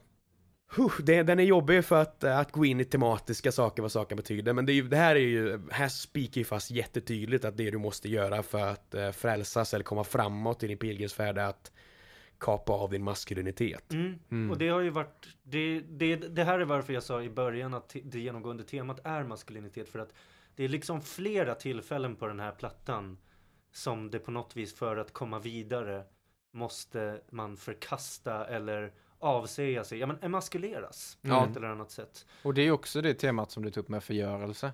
Mm, Att absolut. han, eh, han sargar ju sig själv liksom. Exakt. Ja, Eller det, det, doktorn gör det. Man kan ju också tillägga en tanke som jag hade är varför har de gjort Rael till eh, Puerto Rican? Och mitt svar på frågan är för att det enda han ska ha för att kunna uttrycka makt är just sin maskulinitet. Han, Alltså, och, och också med sin maskulinitet och sin heterosexualitet kopplat. Mm. Liksom. Men han är ju en fattig kriminell Invandrare. invandrare, puertorican, etniskt andrafierad liksom. Så det han har och använder sig av för att kunna skapa någon slags makt i, den, i det vi får som hans utgångsläge i första låten Ja, är maskulinitet. Ja. Mm. Han använder våld, han begår brott för att Ja. kunna ta sig framåt liksom. eh, drogor. Droger. Drogor, Drogor. säga? Droger. Ja, så, så jag tycker ändå att det finns, man kan absolut ta upp det temat. Eh, Det, det finns en sån läsning. Ja, Mm. den är... Och sen kommer den här korpen och han har blivit emaskulerad men han bär fortfarande med sig resterna Ja. av sin maskulinitet. Och från ingenstans kommer det en korp och berövar honom även det. Ja. Eh, doktor säger att det är det vi brukar göra. Vi brukar bära dem med oss. Det är så man gör. Mm, Eh, och de, de får det med på det spåret. exakt. Eh, det, här, det här, jag har en ganska bra koppling tycker jag om vad som kommer hända sen. Eh, det är inte det här som jag, jag säger det mest för att jag ska komma ihåg det sen. Fan ja, det här är spännande alltså. Jag är helt uppslukad av, eh, av storyn nu Ja. alltså. Men jag, jag, Jag, jag tycker den är jättestark. ja, jag börjar fundera på om, om det inte är i sin hel, alltså jag tycker det låter så rimligt. Mm. Det här, men jag, jag tänkte på det här nu när han får eh, skärmen i ansiktet. Kan det inte bara vara att han får en tv-skärm i ansiktet? Att han är i något slagsmål eller någonting och han får en jävla tv-skärm i ansiktet. Möjligt. Mm, Ja. absolut. Det kanske bara är så simpelt. Ja, det är en liksom. dröm. Ja. Möjligt. Helt Mm. möjligt. Ja, men precis. De vill ju inte vara de här slipperna sen heller för att de beskrivs som att vara totalt drivna av sina luster eller sina, vad är det? Mm. Quench their senses, tror jag han säger. Ja, precis. Så det här är, det är totalt sexgalna liksom varelser Mm. som, eh, ja men det, det är risk, riktiga jävla äckliga snuskpellar. Oh, Så alltså, det, det är ju också, förutom att han symboliskt och materiellt emaskuleras Mm. genom att han eh, skär av sig sin kuk, så är det ju också en del i en strävan i att inte vara en hypersexuell varelse. Ja, det, det är ett medvetet val från han att göra det. Han väljer att inte vara en slipperman, han väljer att röra sig ifrån det. Mm. Eh, det han blir inte berövad sin maskulinitet. Eh, han, blir, han blir berövad det han bär med sig, men att klippa av det, det är ett medvetet val som han tar steget i sin egen färd för att göra. Men jag börjar bli, alltså tänka ännu, ännu mer bokstavligt talat. Ja. The Chamber of 42 Doors hade kunnat vara en bordell. Ja. Lilith hade kunnat vara en bordellmamma som leder honom in i rummet med lamiorna som Mm. är prostituerade. Där han får en könssjukdom. Då blir han en slipperman och sen, ja. Ja. Absolut. ja. Ja men absolut. Det, jag har inte gått in på de spåren, men jag vet att det finns spår som, som egentligen verkligen pratar om att allt är symbolik. Han kommer inte alls in i någon annan värld. Nej, Utan allt är bara symboliska sätt att berätta en helt vanlig berättelse. det tror jag på. Ja, Ja. det, är- det är en frän, eh, frän tolkning. Är det. Jag gillar den starkt. Mm. Eh, alltså, det är en sån mastodontlåt, men jag har inte jättemycket att säga om låten, förutom att den är stark rakt igenom. Man får lyssna på den. Ja, lyssna på den. Det är en, en, det är en tung progrockslåt liksom. Ja. Eh, jag, jag har skrivit att den blir svagare i mitten, men sen räddas den av Banks när Raven kommer in, runt eh, precis efter mitten. Mm. Då, då kommer ett sånt jävla synt solo in. Och det är underbart. Ja. Men den, den slutar med att han blir av med sin, Det händer i mitten. med sin kuk. Det händer i mitten. Nej men alltså att korpen tar den och flyger iväg. Ja. Lär det sluta? Ja, Han det- jagar efter? Ja, det gör det. Ja. Korpen tar den någonstans i mitten på låten, men sen är det sista halvan att han jagar efter. Okej. Då är jag med. Eh, nej, det är jättestark rakt igenom. Det är, när det är någon låt som är intressant att lyssna på, även utan kontext på plattan, så är det nog Colony of the Slipperman tror jag. Ja, Absolut. Den är lång också, den är åtta minuter lång. Men då går- ska vi gå vidare. Ja, Ja, eh, Ravin. Eh, jag har skrivit, min, min anteckning är här, Åh nej, balle borta, utfyllnad. Mm. Eh, min anteckning är ett frågetecken. ja jag, jag skulle faktiskt säga att vi sa tidigare att Anyway kanske var den svagaste låten på plattan. Jag, Jag är tycker, med. att, jag tycker att Ravine är den svagaste Jag är, med, jag är med på att byta den. Ja. Kor, korpen tappar ner kuken i en ravin, ner i en flod. Mm. Ja. Det är det som händer. Det är, det är en låt som är runt det och jag har inte så mycket att säga om den låten Nej. faktiskt. Rent tematiskt hade man kunnat få in det i The Raven. Ja, och här- är lite problemet med den här plattan ibland, det är att den är lång. Och den är lång för att de, det skulle inte varit en dubbelplatta från början. Men de fick inte in det som Gabriel insisterade med att få in på en platta. Men då har de problemet att nu har vi två plattor. Fast vi har inte material för två plattor. Och då måste Så då börjar ut. vi fylla ut. Och det här Mm. känns verkligen som en sån, vi behöver våra ja, 22 det, här, minuter på filler. den här sidan. Det är väl denna och eh, var det Anyway som var Anyway, det kommer, det kommer några mer utfyllnadslåtar Ja, mot senare. slutet. Jag tycker mer om dem. Men, ja, eh, men det är absolut. eh, ja, det här, jag går med på att det här kan nog också vara svagaste. Vi skiter i denna, vi går vidare. Ja, fuck den här. Fuck den, usch! The Light Die Down on Broadway. Åh, vad jag älskar Hell den! yeah, hell älskar yeah. den! Satan, bra jävla låt. Jag Ja. har skrivit I like. Ja men fan, enighet, vad trevligt. Ja. Det är, ja, men, det är Return till Lamb, eh, Mm. melodin. Men den är back with a vengeance. Ja, och den är sorgligare och dramat, mer dramatisk Ja. än första gången. Men det- det är som när vi snackade om, om denna plattan innan vi lyssnade, eller innan jag lyssnade på den, när vi tog upp den för att diskutera, så sa du att de skulle slutat på denna låten. Ja, och jag står fast vid att, inte tematiskt, men musikaliskt skulle de slutat Ja. här. Håller inte med. Okej. Håller Eh, absolut Fast inte släng in It någonstans innan, för det är också en så jävla bra med. låt. Och In the Rapids. Ja. Och se, då är det inte så många låtar däremellan. Nej, men jag vill ha den här sist.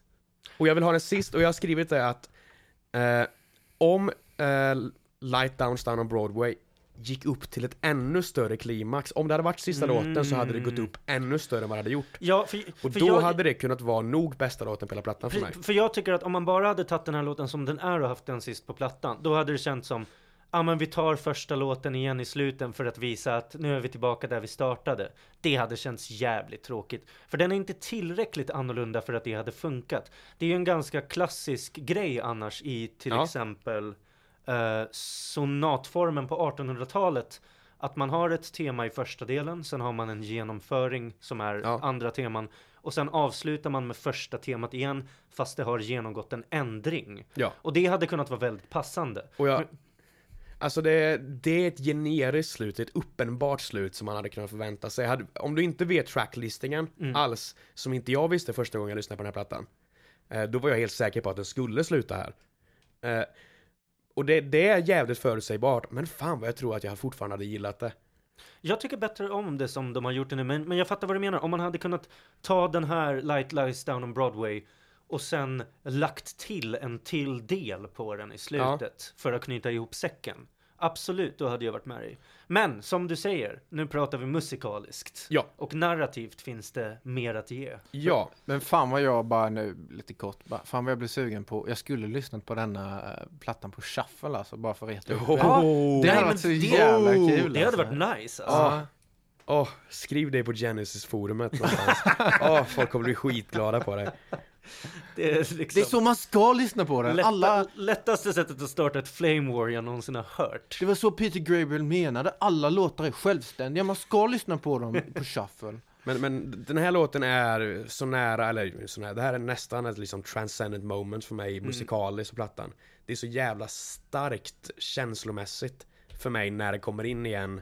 Framförallt nästan andra versen när, för det, versen börjar annorlunda och sen märker du mer och mer att fan jag känner igen det här. Men kör Är alla inte det versen. här så, är inte det här så som första låten gick lite Mm. grann? Och sen visar det sig att jo fan det är första låten igen För, och sen versen, men du Isak, vers, verserna på den här låten Ja. är ju The Lamia. Är det Ja, det är det fan med. Fast sen flyter det in, just det, det har, du fan, det har inte jag verserna är tänkt på. Lamia och sen är det ju refrängerna som Ah. härrör tillbaka till uh, Lamb Lies Down.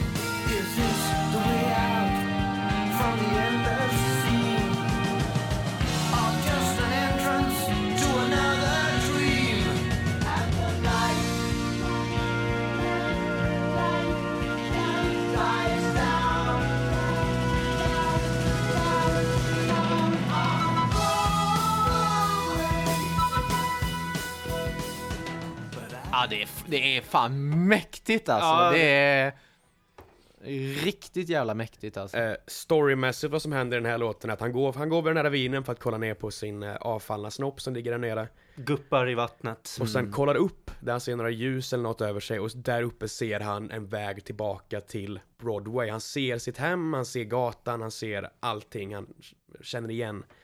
Eh, och han är jättelycklig för att han äntligen kan komma ifrån den här mardrömmen och tillbaka till verkligheten. Men så hör han en röst bakom sig, kollar ner i ravinen igen i floden och ser att det inte är hans snopp som ligger där och guppar utan det är hans bror som nu är på väg att drunkna. Och då har Nej han men det är, väl, det är valet. väl både hans snopp och hans bror? Jag, jag tror inte de nämner snoppen, jag tror bara de säger att det är, att det är John som är i... Jo, jag tolkar det som att han ser att, att kuken är i vattnet. Ja. Sen tittar han upp och ser att Broadway.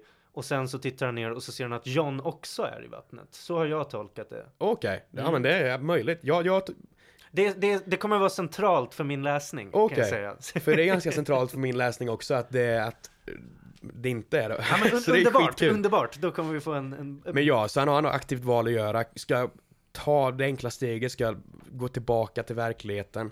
Eller ska jag rädda min bror som trots allt har lämnat mig i sticket flera gånger under den här resan? Ja, åtminstone två. Ja, och han gör då valet att rädda sin bror.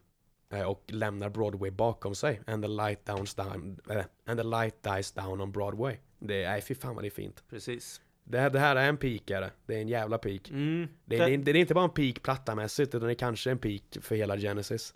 Ja, jag, när jag gör bedömningen så här, vilka låtar tycker jag är de bästa?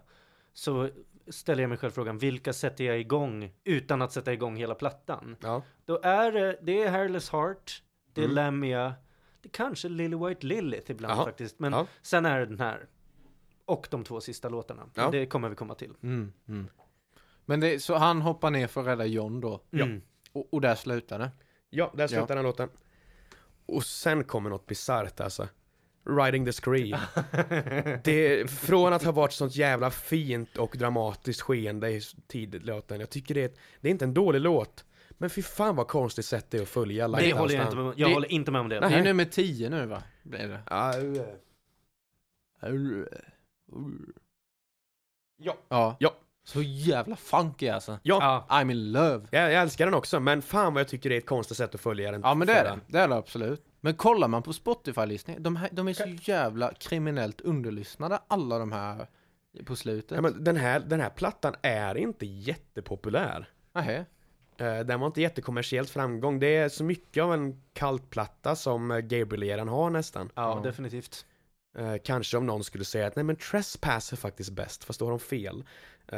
Ehm, Fast det är en bra platta. det är en jättebra platta, men eh, det är fel att säga att den är bäst. Men, nej men jag, jag, tycker, jag tycker den här låten passar faktiskt. Jaha, Jag, jag tycker det är en bra, ett, ett bra upplägg mellan den, den överdramatiska föregående Mm. låten och den mjuka uppbyggnaden som ska komma.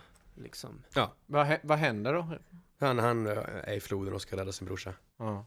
Ja, den här är väl, Det, det är bara det. den här är väl Ja. instrumental. Ja. Liksom. Så det här är, liksom symboliserar hur han försöker simma sig igenom de här rasande forsarna. Mm. Liksom. Nej, jag har skrivit den att det är stark, men mycket av sounden har man hört innan på plattan. Den Ja. kommer lite för sent. Mm. Ja, absolut, det kan jag Och köpa. sen med vart den följer, för att jag, jag förstår att det finns ett appeal i kontrastet mellan dramatiska i Lighthouse Dies Down och denna. Mm. Men jag tycker att det blir för knasigt, övergången. Ja, det blir väldigt eklektiskt. Ja. Det kan man väl säga. Ja. Men jag Ja. gillar den. Jag håller med dig också Eli. Funky. Funky. Ja, men det är det. Funky. Ska vi gå vidare? Ja, In, the, Rapids. Oh. Smooth? Här, här, det här säger jag att det, det här är den worst offender av det här med att Gabriel har skrivit en text som han klistrar på en låt. Ja. Alltså den... Jag, jag, jag har skrivit med. Jag tycker det här, för nu snackar vi om eh, In the Rapids, ja, just Ja. det. Jag tycker det här är en av de vackraste låtarna på plattan. Ja, det är för mycket Gabriel för mig alltså. Köper det. To be carried past, we all together. Älskar de här Moog-baspedalerna Ja. också. Men är, det inte lite känslan av att de hade en låt och sen hade Gabriel ett papper med Ja, text? så kan som det han bli. sjöng Absolut. över. Men jag bryr mig inte. Vi snackade ju tidigare om någon låt som bara var så en samma form om och om igen och bara Ja. bygger upp men att det aldrig riktigt levererade. Ja, Det är det jag tycker att den här låten men det gör det. Jag går med på det. Det är, det är inte ett svagt ögonblick på plattan, det är det inte. Nej, Utan jag sa det mest som att eh, det, var, det är nog den låt som mest eh, gör tydligt det problemet jag har med Gabriels infallsvinkel med text. Men det är inte en svag låt. Alls. nej men jag, jag håller med dig. Att det kan nog vara lite av ett symptom att man har klistrat ihop en text med ett musikaliskt material. Ja. Eh, Det kan det vara. Vad, Men- händer, vad händer med John? Han räddar, han räddar sin brorsa. Ja. Han trycker upp honom på land, kollar ner och ser att det inte är Johns ansikte längre. Something's changed, that's not your face. It's mine, it's mine. Och det är han själv som han Shit. ser. Uff. Det är, nu, nu kan det börja hända grejer om vi ska dra det tillbaka hela tiden att ja, men John my brother, om vi utgår från att han om vi, om vi tar ståndpunkten att John alltid har varit Rael, Mm. Att John bara är Rael rakt av. Och, och det tycker jag är en rimlig ståndpunkt att ha som utgångspunkt. Ja, det, det känns som det uppenbara i alla fall. Ja. Så är det han som har övergivit sig själv om Mm. och om igen. Han har fallit in i line i fabriken. Mm. Eh, han har blivit en slipperman, men det vet vi ju redan. Eh, ja, men, alltså, ja, men det är någon sorts insikt över att man, att man själv har varit sin egen fiende på något sätt. Absolut. Mm. Att man har jobbat emot sig själv. Vi har exakt samma läsning här. Ja, Mm. Men också att man, att man kan göra två saker parallellt som människa. Man kan, här, det är här jag tycker att det den intressantaste aspekten av Grand Parade of Lifeless Packaging ja, kommer in. För att här är det ju, om John är Rael, så har ju Rael hamnat i the Grand Parade of Lifeless Packaging Mm. och bara blivit en produkt av systemet. Men han har samtidigt också varit en rebell Ja. och utanför och andrafierad och brottslig. Liksom. Ja. Att han är båda de, de två tingen på samma gång och de är väldigt enkla att förena. om, om, vi tar, om vi tar idén att Rael är rebellen, John faller in i en linje. Så första gången vi träffar John så är det i The Cage, Mm. när Rael är in, inburad. Uh, där John går fri. Eh, Mm. John går därifrån på fri fot problemfritt, men Rael är den som är Ja. kvävd. För han måste stänga in sin rebelliska sida då. Ja, men... Exakt, båda sakerna kan vara samma på, sanna på en och samma gång. Ja, Liksom. ja. Han är både, går fri och är inte inburad, men samtidigt så är han metafysiskt inburad. Ja. Det finns, nej, det är jävligt. Alltså det, det känns som en sån sak man har hört massa gånger tidigare. Att, ja, jag kolla, det var, det var jag själv jag som kollade tillbaka på mig. Men sen kopplar man det till vad som hänt innan, då känns det fortfarande så jävla unikt. Mm. Det är ett gammalt koncept gjort Ja, på ett sätt som inte känns gammalt. Det, och det är också ett gammalt koncept ehm, som, som är i den här låten. Väldigt gammalt koncept. När hjälten når slutet av sin resa Ja, så ges han valet att återgå tillbaka till som det var i början. ja, Och att ta en risk och överge det. Och hjälten väljer naturligtvis alltid att inte återgå till det normala. Mm. Men jag skulle säga att, att i min läsning så, finns, så får Rael tre val Mhm. här. Det första är att inte kasta sig ner i floden Ja. och återgå till normalitet. Det andra är att kasta sig ner i floden och försöka rädda det sista maktmedlet han har. Mm. Sin sista lilla kvarleva av maskulinitet. Ja. Alltså sin kapade penis. Okej. Eller rädda sin bror. Och göra en och därmed offra all sin maskulinitet och istället göra en altruistisk handling. Mm. Och han väljer den altruistiska handlingen. Men belöningen blir inte att han räddar sin bror. Belöningen blir i att förkasta sin maskulinitet och de ideal som ställs runt maskulinitet. Okej. Så hittar han kärnan av sig själv. Ja, det är en bra tolkning. Är det. Jag, jag har mer varit inne på linjen att om, vi, om utgångspunkten är att det är penisen i... Att, att John är penisen. Ja men att maskuliniteten här kvar är John, att Mm. det han kollar ner och det är John som ligger där nere. Så om vi, om vi sammankopplar det med idén att John är den som faller in i linjen, John är den som följer samhällets standard. Mm. Så går ju det alltså hand i hand med de här, ja men den skadliga maskuliniteten. Absolut. Att, ja men eh, det, det som han har valt att förkasta, det rebelliska i, i Rael, är en förkastelse av maskuliniteten. Snarare än att rebelliska är en maskulinitet i sig. Mm. Att, eh, ja, ja men det förstår lite tankegången jag har att det, Nej, jag, jag tycker att båda de här läsningarna är väldigt rimliga för Ja. att det är en jävligt, ett jävligt oklart textmaterial. Liksom. ja ja, herregud. Det är det. Så, så jag tycker inte att min låter rimligare än din på något sätt liksom. Men jag, jag tänker Nej nej, inte heller. också, ehm, Alltså om din. att, att jag tänkte på det också att det är, eh, att Rael är ju ett väldigt speciellt namn. Mm. Och han var po- puertorican. Ja. Och sen har han en bror som heter John. Och det är väl typ det vanligaste namnet man kan ha i den angliska Ja. världen. Också då av en anledning. Ja. För John är ju the working class stiff liksom. Han är kostymkillen. Ja. Och det är klart att han heter John. Ja, precis. Finns det någonting mer normalt man kan heta? Ja, Och ja men absolut. Och Rael är den som inte är det. Det är som inte faller in i här- normaliteten. Om man kopplar det här till Peter Gabriels förklaring att det handlar om split personality så är ju det här Absolut. ännu mer tydligt. Så det handlar om split personality. På Ja. ett sätt. Så Ja, du, menar, ja. du menar att Peter Gabriel inte har fel? Alltså? Vad fan ut! Nej, ja, nej, men- ja, jag, jag är den första som hatar Peter Gabriel här, okej? Snacka inte med mig om det här. Vad var han? Eli Gabriel Mårtensson. Nej men Peter Gabriels läsning är inte fel. Jag tycker att den är otillräcklig. Ja. Ja, Det är väl det. absolut, absolut. Ja. Ja men precis. Ja. Ska vi avsluta? Vi går vidare på It. Vi rundar av. Mm. Åh, vad It är stark. Ja, Är bra. Det måste vara... Det känns som att det är lite Banks. Ja, det tror jag nog. Det kan nog vara rätt kollaborativt faktiskt också. Men det är, It är, det är så jävla liksom omvändande av förväntningar på vad en sista låt i en st- ett stort konceptalbum ska vara, Mm. en conclusion. Mm. För den är inte så klimaktisk. Är den inte. Den är inte jättestor. Eh, den är inte större än många inte, andra den, är låtar. inte en, den är inte en musikal showstopper. Nej. liksom. Nej. Men den är rockig och den är upbeat. Ja. Den är jävligt bra Svänger. och rivig. Ja. liksom. Och Ja. den är glad. Den är Ja. jätteglad, men det är ett glatt slut också. Ja. Ja. Vad händer? Berätta. Alltså, I, i, texten- te- I texten. Ja, jag är ju så jävla investerad just alltså hela texten är konstanta referenser till tidigare saker som hänt i Okej. ja, tidigare låtar. Ja. Det är referenser till eh, stenar och det är referenser till kokonger och cra- crawlers och ja men det är allting kommer tillbaka. Och han säger att it är det här, det här är det här, det här är det här. Alltså allt är samma sak. Och det som händer textmässigt är att han har räddat sin bror och båda, eh, ska vi säga, upplöses i en purple haze eh, och blir ett med allt. Okej. Eh, så it är allt, allt är ett.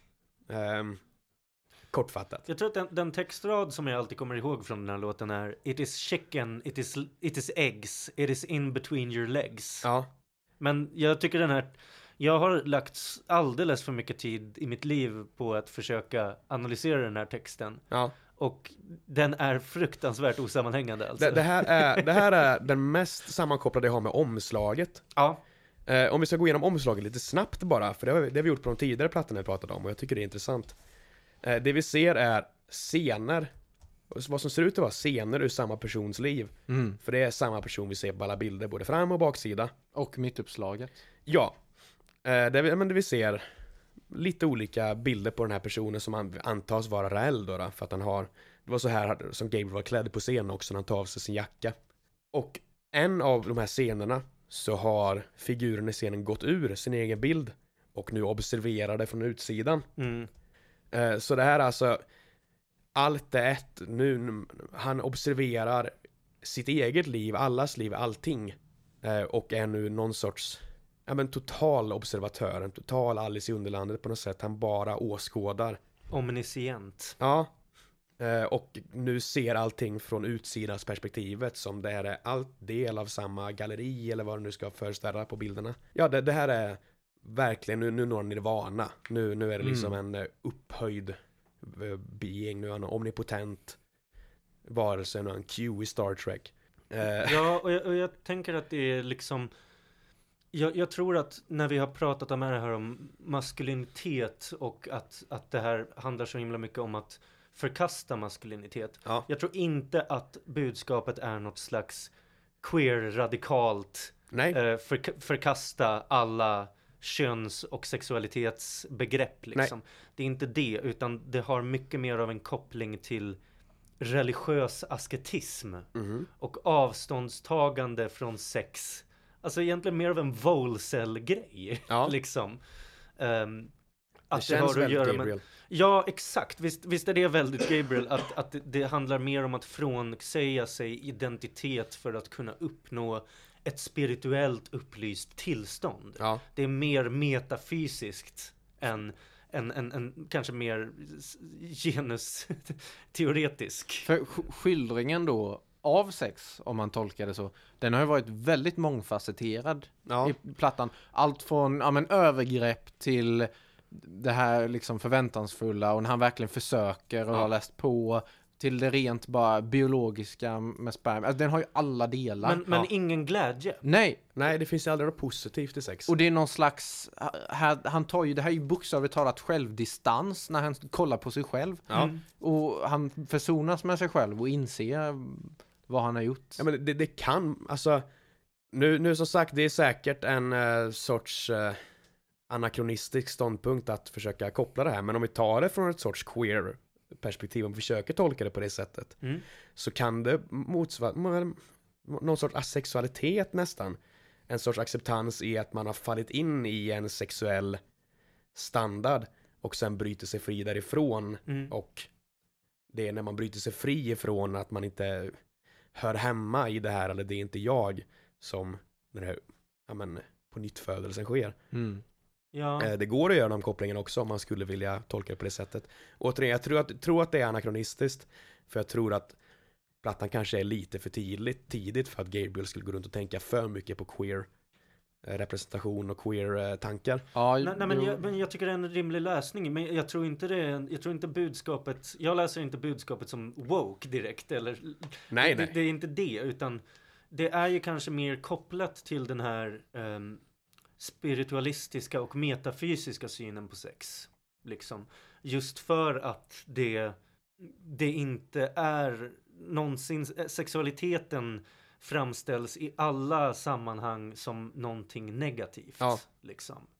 Och det är ju kanske inte riktigt något som särskilt mycket kopplas till queer-teori eller genusvetenskap. Ja, liksom. Och, och då är ju också frågan där, är det är betydelsen där att, det, att sexualiteten är negativt i en helhet eller är sexualiteten negativt för Rael?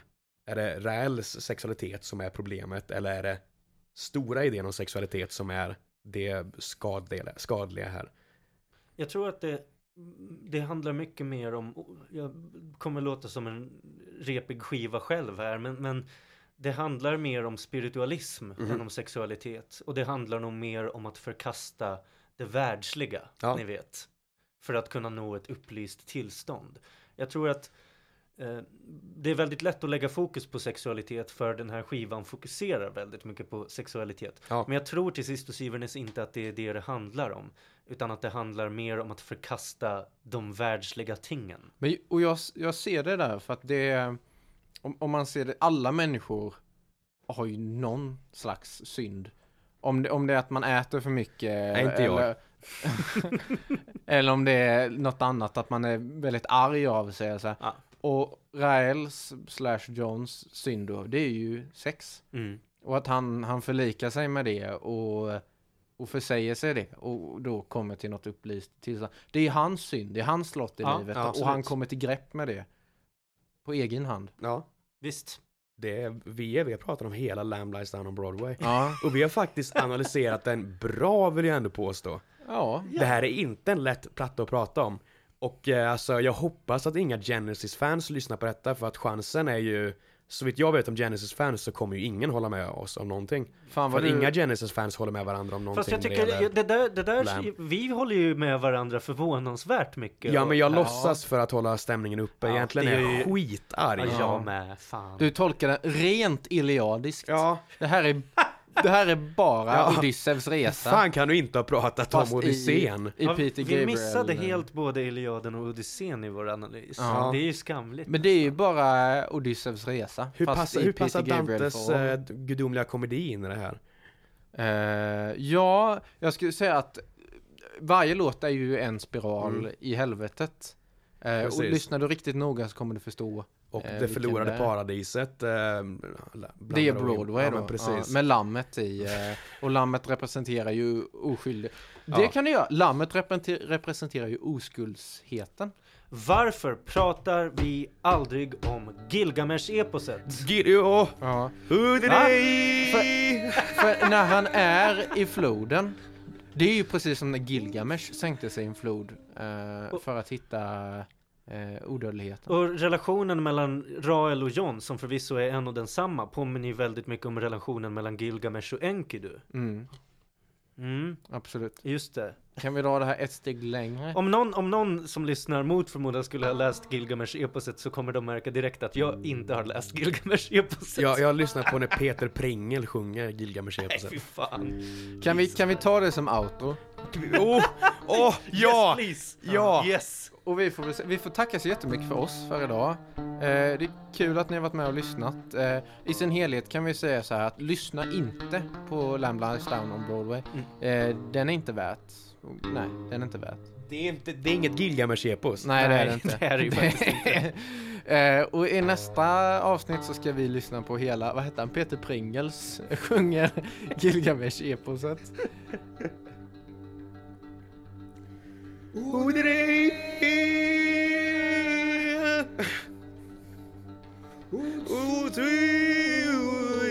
Vet ni vad, jag tar tillbaks det jag sa, för jag har faktiskt lyssnat på hela den här. Ja.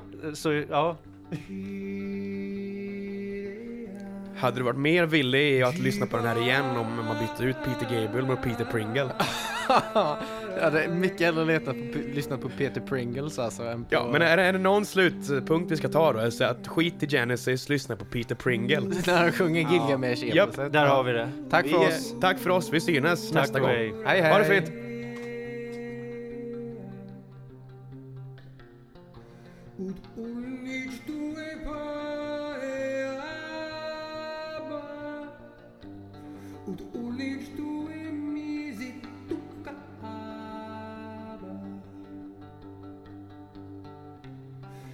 Escaramba carimba shua